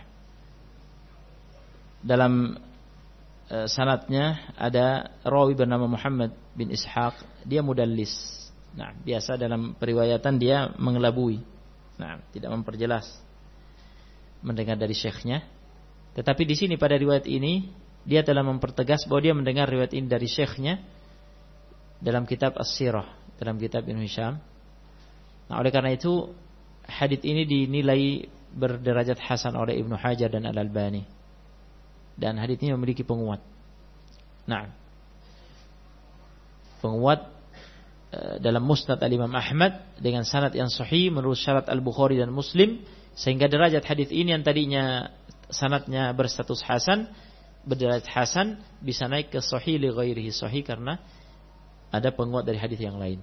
Nah, ini tadi dalil bolehnya suami memandikan is istrinya, jenazah istrinya. Taib. Sebaliknya dalil yang menunjukkan bolehnya seorang istri memandikan jenazah suaminya adalah hadis Aisyah radhiyallahu taala anha tentang kisah dimandikannya jenazah Rasulullah sallallahu alaihi wasallam. Dan di akhir hadis tersebut Aisyah radhiyallahu taala berkata, hadis tentang e, mengenai kisah di proses ya terkait dengan pemandian Nabi SAW nanti akan kita dapati hadisnya secara lengkap. Nah, Aisyah radhiyallahu taala yang meriwayatkan. Di akhir hadis Aisyah radhiyallahu taala mengatakan, "Law istaqbaltu min amri mastadbartu ma ghassalahu illa nisa'u." Nah, karena yang memandikan jenazah Nabi SAW adalah Ali radhiyallahu taala anhu. Nah, dibantu dua orang. Nah, kita kita akan dapati nanti. Nah, bukan istri-istrinya mandikan. Nah, kata Aisyah, "Lawis takbaltu min amri mastadbartu ma ghassalahu illa nisa'u." Seandainya aku mendapati kembali urusanku yang telah berlalu ini, tidak ada yang memandikan Rasulullah SAW selain istri-istrinya sendiri. Ini dalil istri boleh memandikan jenazah suami. Nah, hadis ini tadi penjelasannya ya mirip dengan yang sebelumnya bahwa yang meriatkannya adalah Muhammad bin Ishaq seorang rawi mudallis ya yang biasa me mengelabui dalam periwayatan. Naam tidak mempertegas. Tayyib dari syekhnya. Namun pada riwayat ini dia telah mempertegas bahwa dia mendengar hadis ini dari syekhnya sehingga dinilai berderajat hasan oleh Al-Albani dalam kitab Al-Irwa oleh Al-Wadi'i Mukbil Al-Wadi dalam Al-Jami' As-Sahih. Nah, jadi dua hadis ini thabit dari Nabi SAW dan merupakan dalil dalam dua masalah yang kita pelajari. Nah, permasalahan terkait dengan dengan suami istri ini tadi yaitu apabila dia sudah mentalak istrinya kemudian wafat salah satunya. Bagaimana hukumnya? Nah kalau talaknya talak raj'i talak raj'i itu talak berapa? Hah? talak satu. Talak dua. Talak satu atau talak dua? Itu talak raj'i nah talak satu, kemudian misalkan rujuk, ya, kemudian ditalak lagi berarti jatuh talak dua, masih bisa rujuk. Talak satu bisa rujuk, jatuh talak dua bisa rujuk. Nah, jadi ya, jika yang jatuh talak satu atau talak dua berarti talak roj'i. Nah, kemudian salah satu dari keduanya meninggal pada masa iddah masa penantian, masa iddah. Nah, berarti hukum keduanya dalam hal ini dalam memandikan jenazahnya adalah hukum suami istri menurut pendapat yang rojih. Karena kalau talak rojih baru talak rojih selama masih masa iddah. Nah, itu masa penantian tiga kali haid. Nah, kalau tidak haid berarti tiga bulan. Tayyib. Selama selama masih masa iddah maka dua, keduanya masih suami is suami istri. Masih tinggal bersama, masih diberi nafkah. Nah, jika salah satu dari keduanya meninggal, hukum boleh saling memandikan masih berlaku. Apabila meninggal setelah masa iddah berakhir, sudah lepas.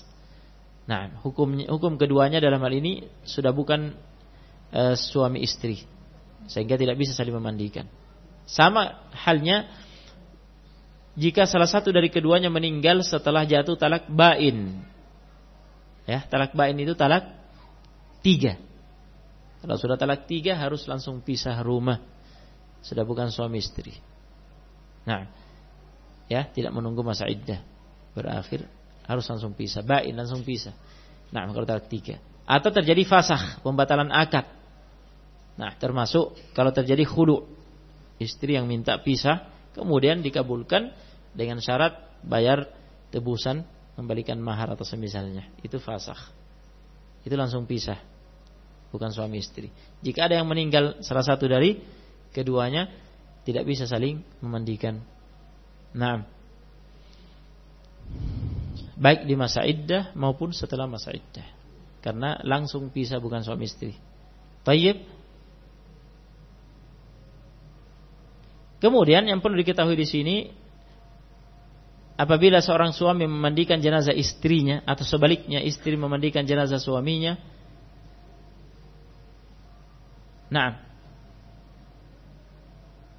ada perbedaan pendapat di antara ulama mengenai boleh tidaknya dia melihat melihat auratnya dan menyentuh auratnya tanpa tanpa tujuan untuk bersenang-senang dengan itu bernikmat dengan itu tapi hanya sekedar e, melihat dan menyentuh ya. Sebatas itu saja diperselisihkan oleh ulama. Karena ini sudah ma mayat. Nah. Kemudian perkecualian yang kedua sayyid yaitu tuan lelaki ya pemilik budak wanita. Memandikan budak wanitanya. Atau sebaliknya. Sebaliknya maksudnya tuannya ya tuannya meninggal budak wanitanya boleh mah memandikannya. Nah, hukum ini terkait dengan perbudakan ya. Nah, perbudakan itu apabila ada jihad yang syar'i seperti di masa Nabi alaihi salatu kemudian ya orang-orang kafir ditawan dan diperbudakkan. Nah, budak yang dimiliki ya. Nah, pemilik budaknya namanya sayyid. Nah, kemudian budak yang dimiliki itu namanya eh, na'am kalau kalau wanita budak wanita namanya namanya amah. Nah. Ini raqiq. Tayyib abad. Nah, apabila seorang sayyid punya budak wanita, nah ini. Sayyid laki-laki, pemilik budak ini laki-laki, punya budak apa? Wani wanita. Nah, ini boleh saling memandikan satu sama lainnya.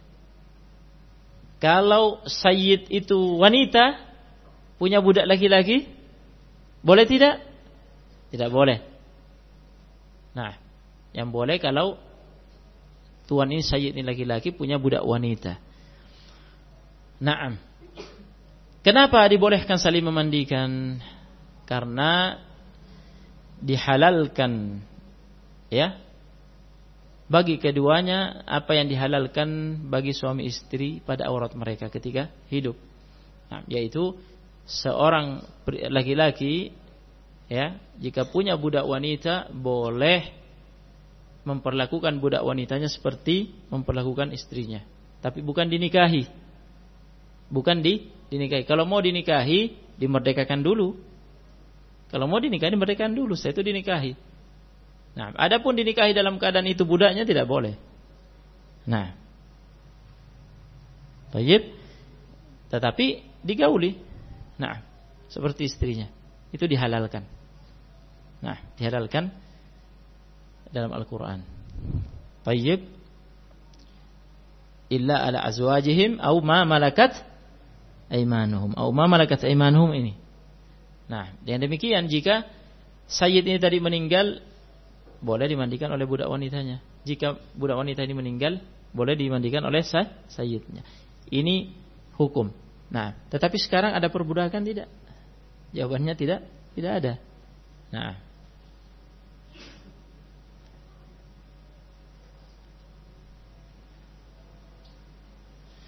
Perkecualian berikutnya Anak di bawah tujuh tahun boleh dimandikan oleh siapa saja Nah, ini perkecualian yang ketiga. Anak di bawah tujuh tahun boleh dimandikan oleh siapa saja. Yani kalau anak itu laki-laki boleh dimandikan oleh wanita, jika anak itu wanita boleh dimandikan oleh laki-laki. Nah, para ulama mengecualikan mayat anak kecil dalam hal ini dalam bahwa mayat anak kecil boleh dimandikan oleh lawan jenis Baik, seperti disebutkan tadi, anak laki-laki boleh dimandikan oleh wanita, anak perempuan boleh dimandikan oleh laki-laki. Ibnul Munzir menukil ijma' kesepakatan ulama dalam masalah ini. Ibnul Munzir menukil ijma' bahwa ulama ijma' sepakat dalam masalah ini. Tetapi di pihak yang lain Asy-Syaukani tidak sepakat dengan masalah ini, dengan hukum ini. Dan Asy-Syaukani menyatakan bahwa setiap mayat dimandikan oleh sejenisnya. Laki-laki dimandikan oleh laki-laki dan wanita dimandikan oleh wanita tanpa perkecualian. Demi menyamakan hukum antara anak kecil dan orang dewasa. Jadi Asyokani tidak membedakan antara orang dewasa dan anak kecil, hukumnya sama. Tidak boleh lawan jenis yang memandikan. Nah, jadi pendapat ini menyelisihi jumhur, mayoritas ulama. Tayyib, adapun pendalilan sebagian ahli fikih, fuqaha dengan riwayat bahwa Ibrahim, Nabi SAW punya putra namanya Ib, Ibrahim. Ibrahim meninggal pada masa penyusuan dan dia dimandikan oleh kaum wanita. Ada riwayat seperti itu, tetapi riwayat itu butuh ditinjau bagaimana keabsahannya. Al-Albani dalam Riwayat Ghalil berkomentar saya tidak menemukan ya riwayat ini yani Al-Albani rahimahullah imam dalam ilmu riwayat pembahasan riwayat mengatakan saya tidak menemukannya. Nah, jadi eh, terkait dengan riwayat ini butuh di diperjelas. Nah, namun alasan jumhur ya yang lain yakni alasan lain yang dikemukakan oleh jumhur cukup kuat yaitu jumhur mengatakan anak kecil yang umurnya belum memiliki hukum berarti masih boleh di dilihat dan disentuh kalau ada hajat. Tuntutan hajat tidak mengapa. Nah nah alasan ini cukup kuat mendukung pendapat jumhur. Nah karena anak kecil yang belum memiliki hukum auratnya yakni belum memiliki hukum auratnya masih boleh dilihat dan di disentuh jika ada ha, hajat untuk melakukan itu. Nah, nah, tetapi jumhur berbeda pendapat. Apa kriteria? Apa dobit? Apa kriteria anak kecil yang diperkecualikan di sini, yang dianggap hukumnya belum, e, auratnya belum memiliki hukum? Apa kriterianya? Nah, fukoha Hanabilah yaitu ahli fikih penganut mazhab Hambali, mereka berpendapat kriterianya adalah anak yang berumur di bawah tujuh tahun. Nah, Ibnu Utsaimin, Ibnu Baz termasuk yang mengikuti pendapat ini. Kriterianya anak berumur di bawah tujuh tahun. Ingat, segala hitungan umur terkait dengan hukum syariat kita, maka acuannya kalender Hijriah. Baik. Jika umurnya di bawah tujuh tahun, nah, jika umurnya di bawah tujuh tahun berarti auratnya belum memiliki hukum. Dengan demikian kalau anak itu meninggal umurnya di bawah tujuh tahun, bebas. Siapa saja boleh mah memandikannya. Difahami? Nah, pendapat yang lain, pendapat fukoha asy-syafi'iyah. Ahli fikih penganut madhab syafi'i. Mereka berpendapat kriterianya adalah selama anak itu belum membangkitkan syahwat. Auratnya belum membangkitkan syahwat. Kenapa mereka menjadikan itu sebagai kriteria? Karena terkait dengan masalah aurat ini adalah apa? Fit, fitnah syahwat. Jadi meskipun anak itu misalkan usianya masih di bawah tujuh tahun, tetapi misalkan fisiknya bagus, perkembangan fisiknya bagus, kemudian auratnya eh, naam bisa menimbulkan fitnah maka berdasarkan pendapat Syafi'iyah tidak boh tidak boleh dimandikan oleh lawan jenis. Nah, jadi sini mungkin kita bisa mengambil kehati-hatian karena terkait dengan masalah fitnah. Nah, kita bisa mengatakan berdasarkan pendapat fuqaha Hanabila kalau umurnya di bawah 7 tahun boh bebas. Tetapi kita memperhatikan di sini demi mengantisipasi apa yang di, eh, di dikemukakan oleh fuqaha Syafi'iyah. Nah, jadi untuk kehati-hatian kalau memang uh, umurnya meskipun belum tujuh tahun tapi mengkhawatirkan bisa menimbulkan fitnah. Nah, maka dihindah dihindari. Biar yang menanganinya adalah yang sesama jenis. Barakallahu fikum. Nah, anak khawatir. Hah? Iya, kalau terlalu difaksakan uh, khawatir nanti le, sudah sulit memahaminya ya. Nah, kita cukupkan. Barakallahu fikum. Ana uh, na'am. bertanya, bolehkah kita apa ini perlukah kita sholat gaib ketika si mayit disolati oleh ahlul bid'ah orang fasik semua Nah. Kef ini Bagaimana bisa kok yang menyolati orang orang fasik semua gitu, ahlul bid'ah semua yang menyolati. Nah, artinya eh, misalkan khawarij atau teroris mati di tengah-tengah kaum teroris kemudian disolati oleh teroris-teroris itu, kita mau solati gaib orang teroris? Misalkan. Hah? Atau bagaimana maksudnya? Kelas.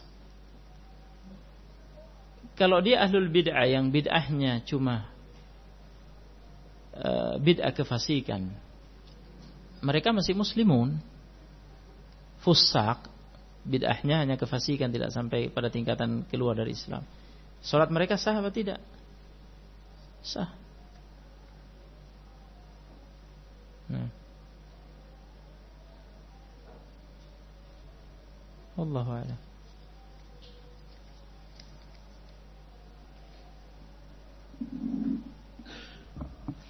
Bagaimana hukumnya?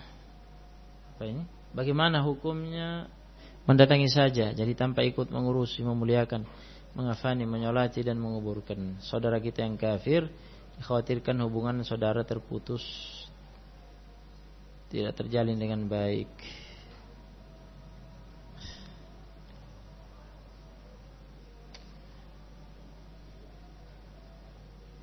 Tidak ikut mengurusi. Tidak ikut memandikan. Tidak ikut mengafani. Tidak ikut menyolatkan dan menguburkan. Terus ngapain? Sekedar melihat gitu. Nah.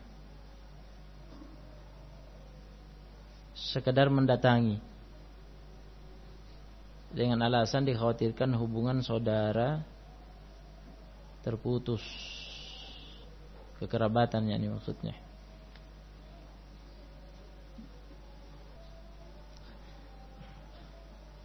Wallahu a'lam. Nah.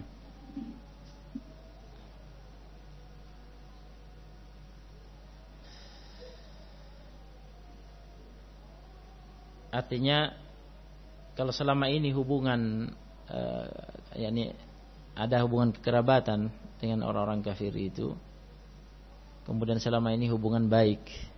Nah saling menghargai kan gitu maksudnya. Saling menghargai ketika masih hidup. Nah tapi bukan yang murtad ya. Kalau murtad lain hukumnya. Murtad tidak tidak tidak ada hak untuk dihargai. Nah ini kafir asli. Dan saling menghargai selama ini ya saling membalas ya saling membalas kebaikan gitu terkadang saling memberi hadiah mengunjungi dan seterusnya.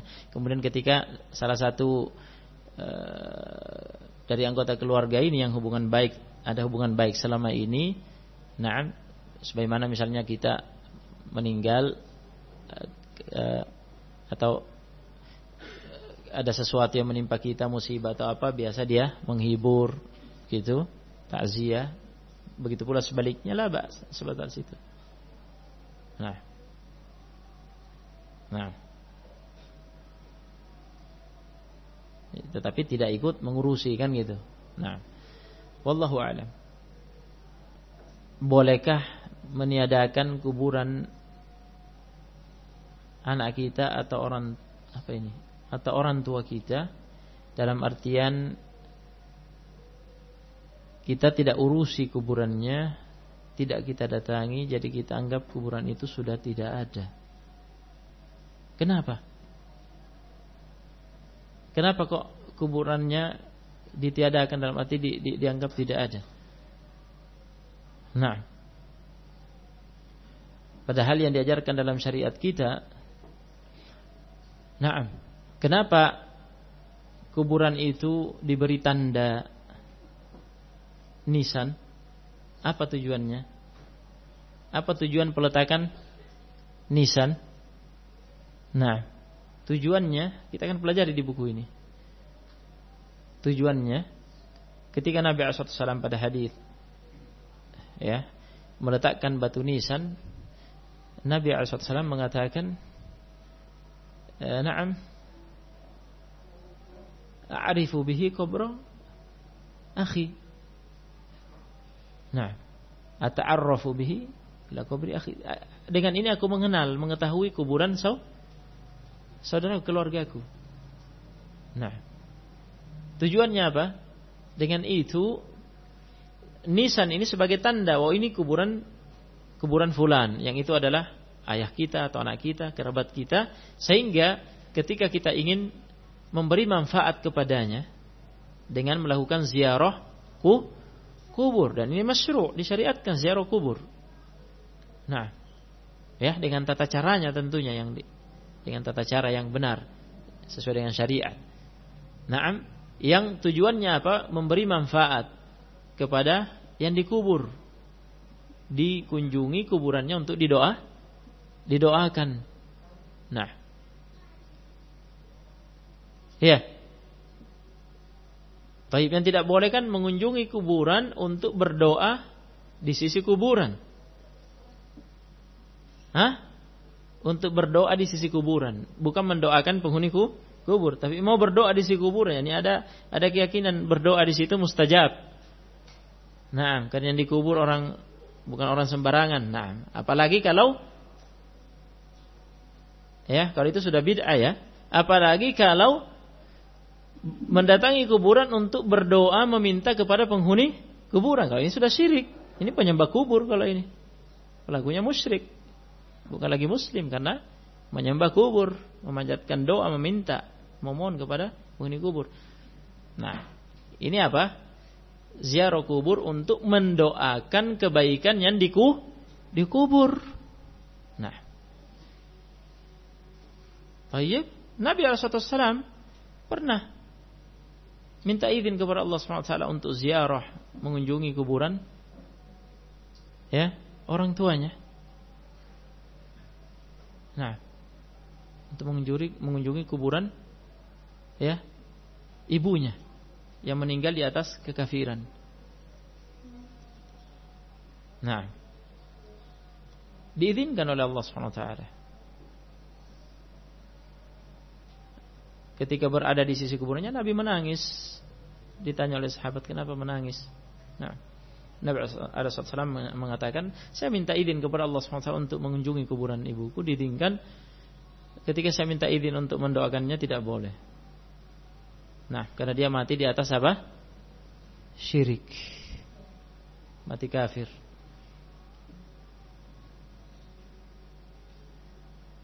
Nah, jadi justru kuburan orang tua kita, anak kita, ya kita usahakan agar tetap mengenalnya, mengenalinya, dikenali dengan nih nisannya sehingga sewaktu-waktu kita ziarah mengunjunginya untuk memberi manfaat buatnya, mendoakannya. Nah, wallahu a'lam.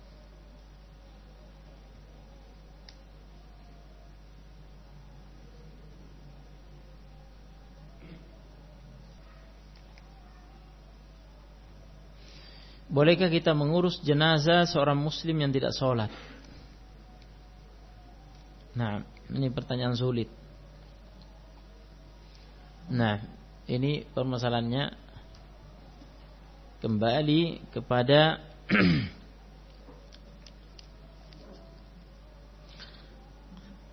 kembali kepada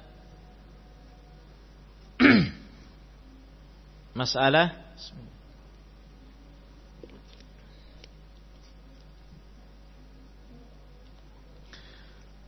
Kembali kepada masalah Apakah Muslim yang tidak sholat Dengan meninggalkan sholat Dia eh, Kafir atau tidak? Nah Kalau dia tidak sholat karena mengingkari wajibnya sholat Dia kafir, murtad Jelas. Nah Yang jadi masalah kalau dia meyakini wajib sholat tapi dia tidak sholat. Nah, karena malas. Apakah dia menjadi kafir atau murtad dengan itu atau tidak diperselisihkan oleh ulama. Nah, pada e, pembahasan kami yang terakhir masalah ini dan itu sudah ditampilkan di majalah syariah di problem Anda. Allahu alam di situ kami merojihkan tidak murtad. Nah, tetapi fasik melakukan amalan dosa besar yang besar yang disifati dengan amal yang disifati dengan kekufuran. Ya, dosa besar itu disifati yang kekufuran, tapi kekufuran itu bukan kufur besar, kufur kecil dan sangat berbahaya. Nah, tapi dia fasik. Nah, jika demikian, ya, selama dia masih statusnya fasik, tidak sampai keluar dari Islam, tidak sampai murtad berarti masih mus muslim. Nah. Masih muslim. Nah, ini di masih diurusi seperti jenazah muslim.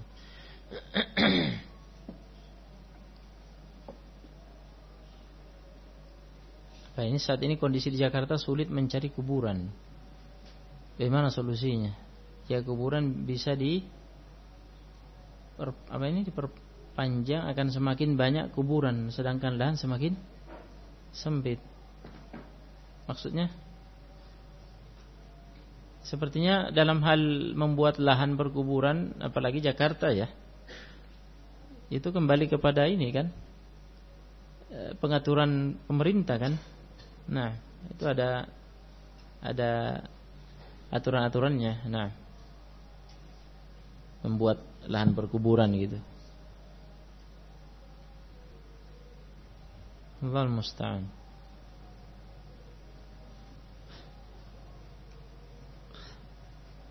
Sebenarnya ulama menjelaskan bahwa perku, uh, kuburan itu apabila sudah ya sekian lama, sudah lama sekali.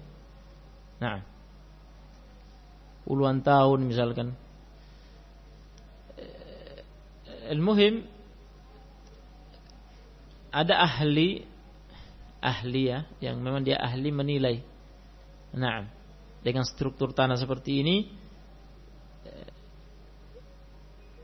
diprediksi kuat bahwa ini mayat yang dikubur dalam waktu sekian puluh tahun lamanya ini sudah hancur gitu. Nah, itu kata ulama bisa dipakai lagi. Nah, bisa dipakai lagi untuk penghuni berikutnya. Difahami? Karena yang yang dikubur sebelumnya itu sudah benar-benar hancur. Maka itu bisa digali lagi untuk dipakai lagi menguburkan. Nah, dari kuburan baru. Bagaimana hukum suatu masakan atau makan ini tidak, tidak terkait dengan jenazah? Nah, bagaimana hukumnya menunggu keluarga dekat atau seperti anak, suami, istri dan seterusnya untuk bisa melihatnya terlebih dahulu? Terkadang ada anggota keluarga yang jauh. Nah,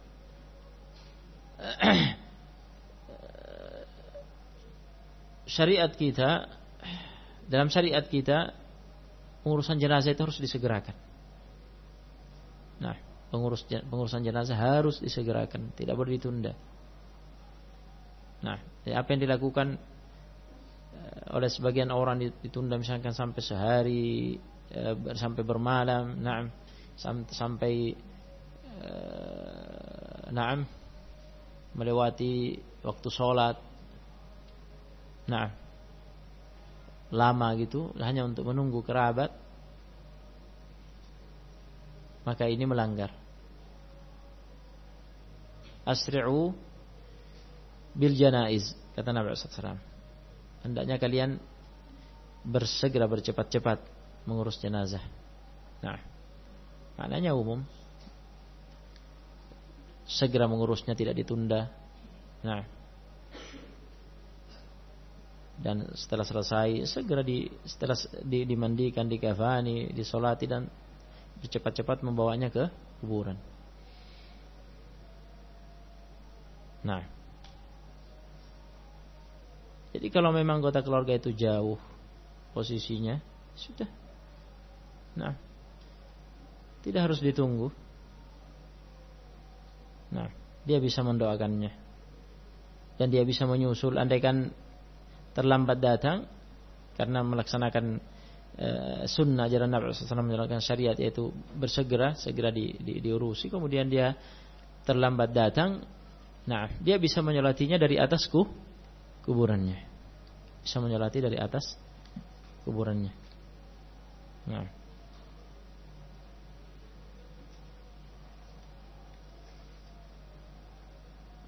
Bagaimana hukum masak apa ini masakan makanan yang dalam pengerjaan memasaknya menggunakan kuas atau bulu babi? Nah, bulu babi najis. Nah, ketika tersentuh oleh bulu babi, ya berarti tersentuh najis. Nah, ada kuas yang terbuat dari bulu babi? Hah? Dipastikan dari bulu babi? Ini bertanya secara, ini sekarang bertanya hukum. Nah, yang namanya hukum ya jelas bulu babi walaupun bulunya itu najis. Nah, jadi makanan yang tersentuh olehnya berarti ternajisi oleh bulu babi. Tapi makanan biasanya basah kan? Nah, apabila mengecat tem tembok, ya nah, basah itu, sehingga berlepotan dengan najis bulu babi.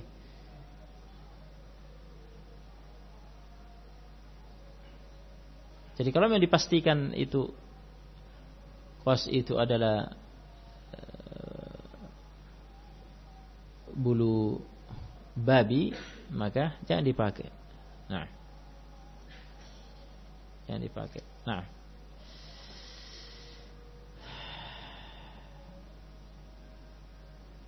Bagaimana hukum ketika kiam, sholat dan anak menangis? Ini terkait dengan yang tadi kemudian digendong supaya berhenti menangis. Ini biasa terjadi pada sering terjadi pada ummahat. Ketika berdiri ya dan anaknya menangis, ya, anaknya di bawah ya. Nah, kemudian digendong, ya ini merunduk untuk mengambilnya jangan, ini membatalkan sholat. Sabar akhirnya. Nah, sabar. Sampai akhirnya ketika sampai pada gerakan apa? nunggu sampai ru ruku'. Nah, beri ruku' ambil. Nah.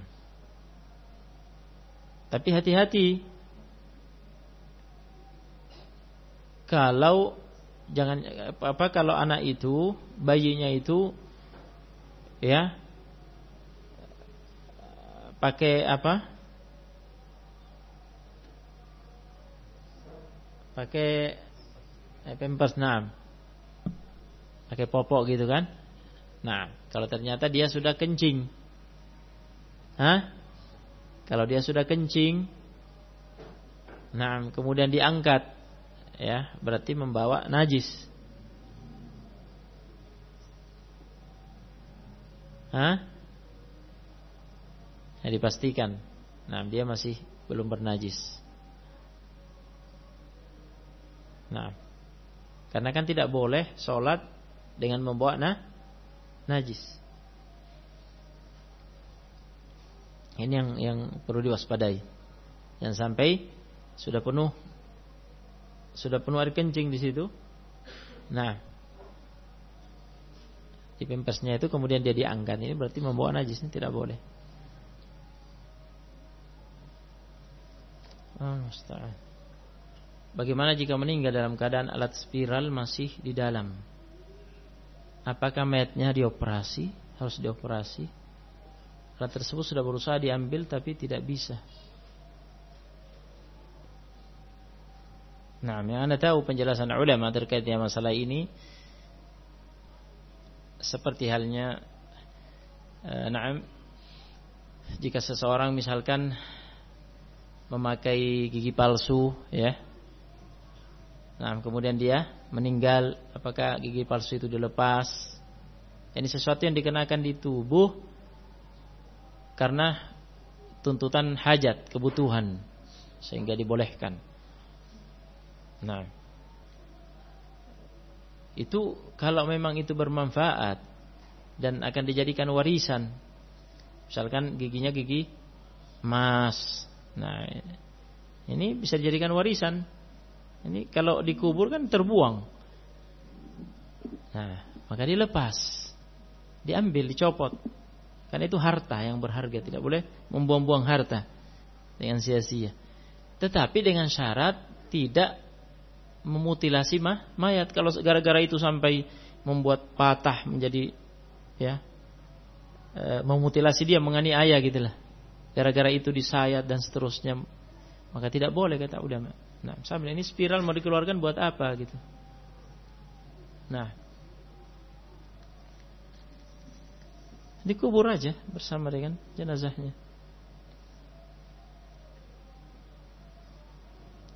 Sesuatu yang tidak berharga kan? Hah? Jadi yang diambil sesuatu yang terpasang di tubuh jenazah yang memang dipasang karena butuh apabila berharga itu harta yang berharga sehingga tidak termasuk dalam kategori idoatul mal, membuang harta yang dengan sia-sia. Tapi dengan syarat diambil tanpa berisiko apa? Menganiaya mah mayat. Kalau tidak berharga biarkan saja. La ilaha illallah. Naam. Eh, beberapa pertanyaan Ana tunda ya. Nah, nanti insya Allah pertemuan berikutnya. Nah, eh, atau ini bisa di, dijawab di majelis yang lain atau di majelis ini juga? Di majelis juga berarti pertemuan berikutnya nanti. Nah, anak terasa uh, sudah apa? Sudah terasa capek, anak khawatir dipaksakan. Nah, barakallahu fikum. Mudah-mudahan apa yang kita pelajari bermanfaat dan difahami dengan baik. Nah, jika ada yang benar itu karunia dari Allah Subhanahu wa taala. Dari Allah Subhanahu wa taala jika ada kekeliruan, kekurangan dari dari eh, syaitan dan dari pribadi ana. Naam, kita akhiri subhanallah bihamdika la ilaha illa anta astaghfiruka wa atubu ilaik. Tafadhalu.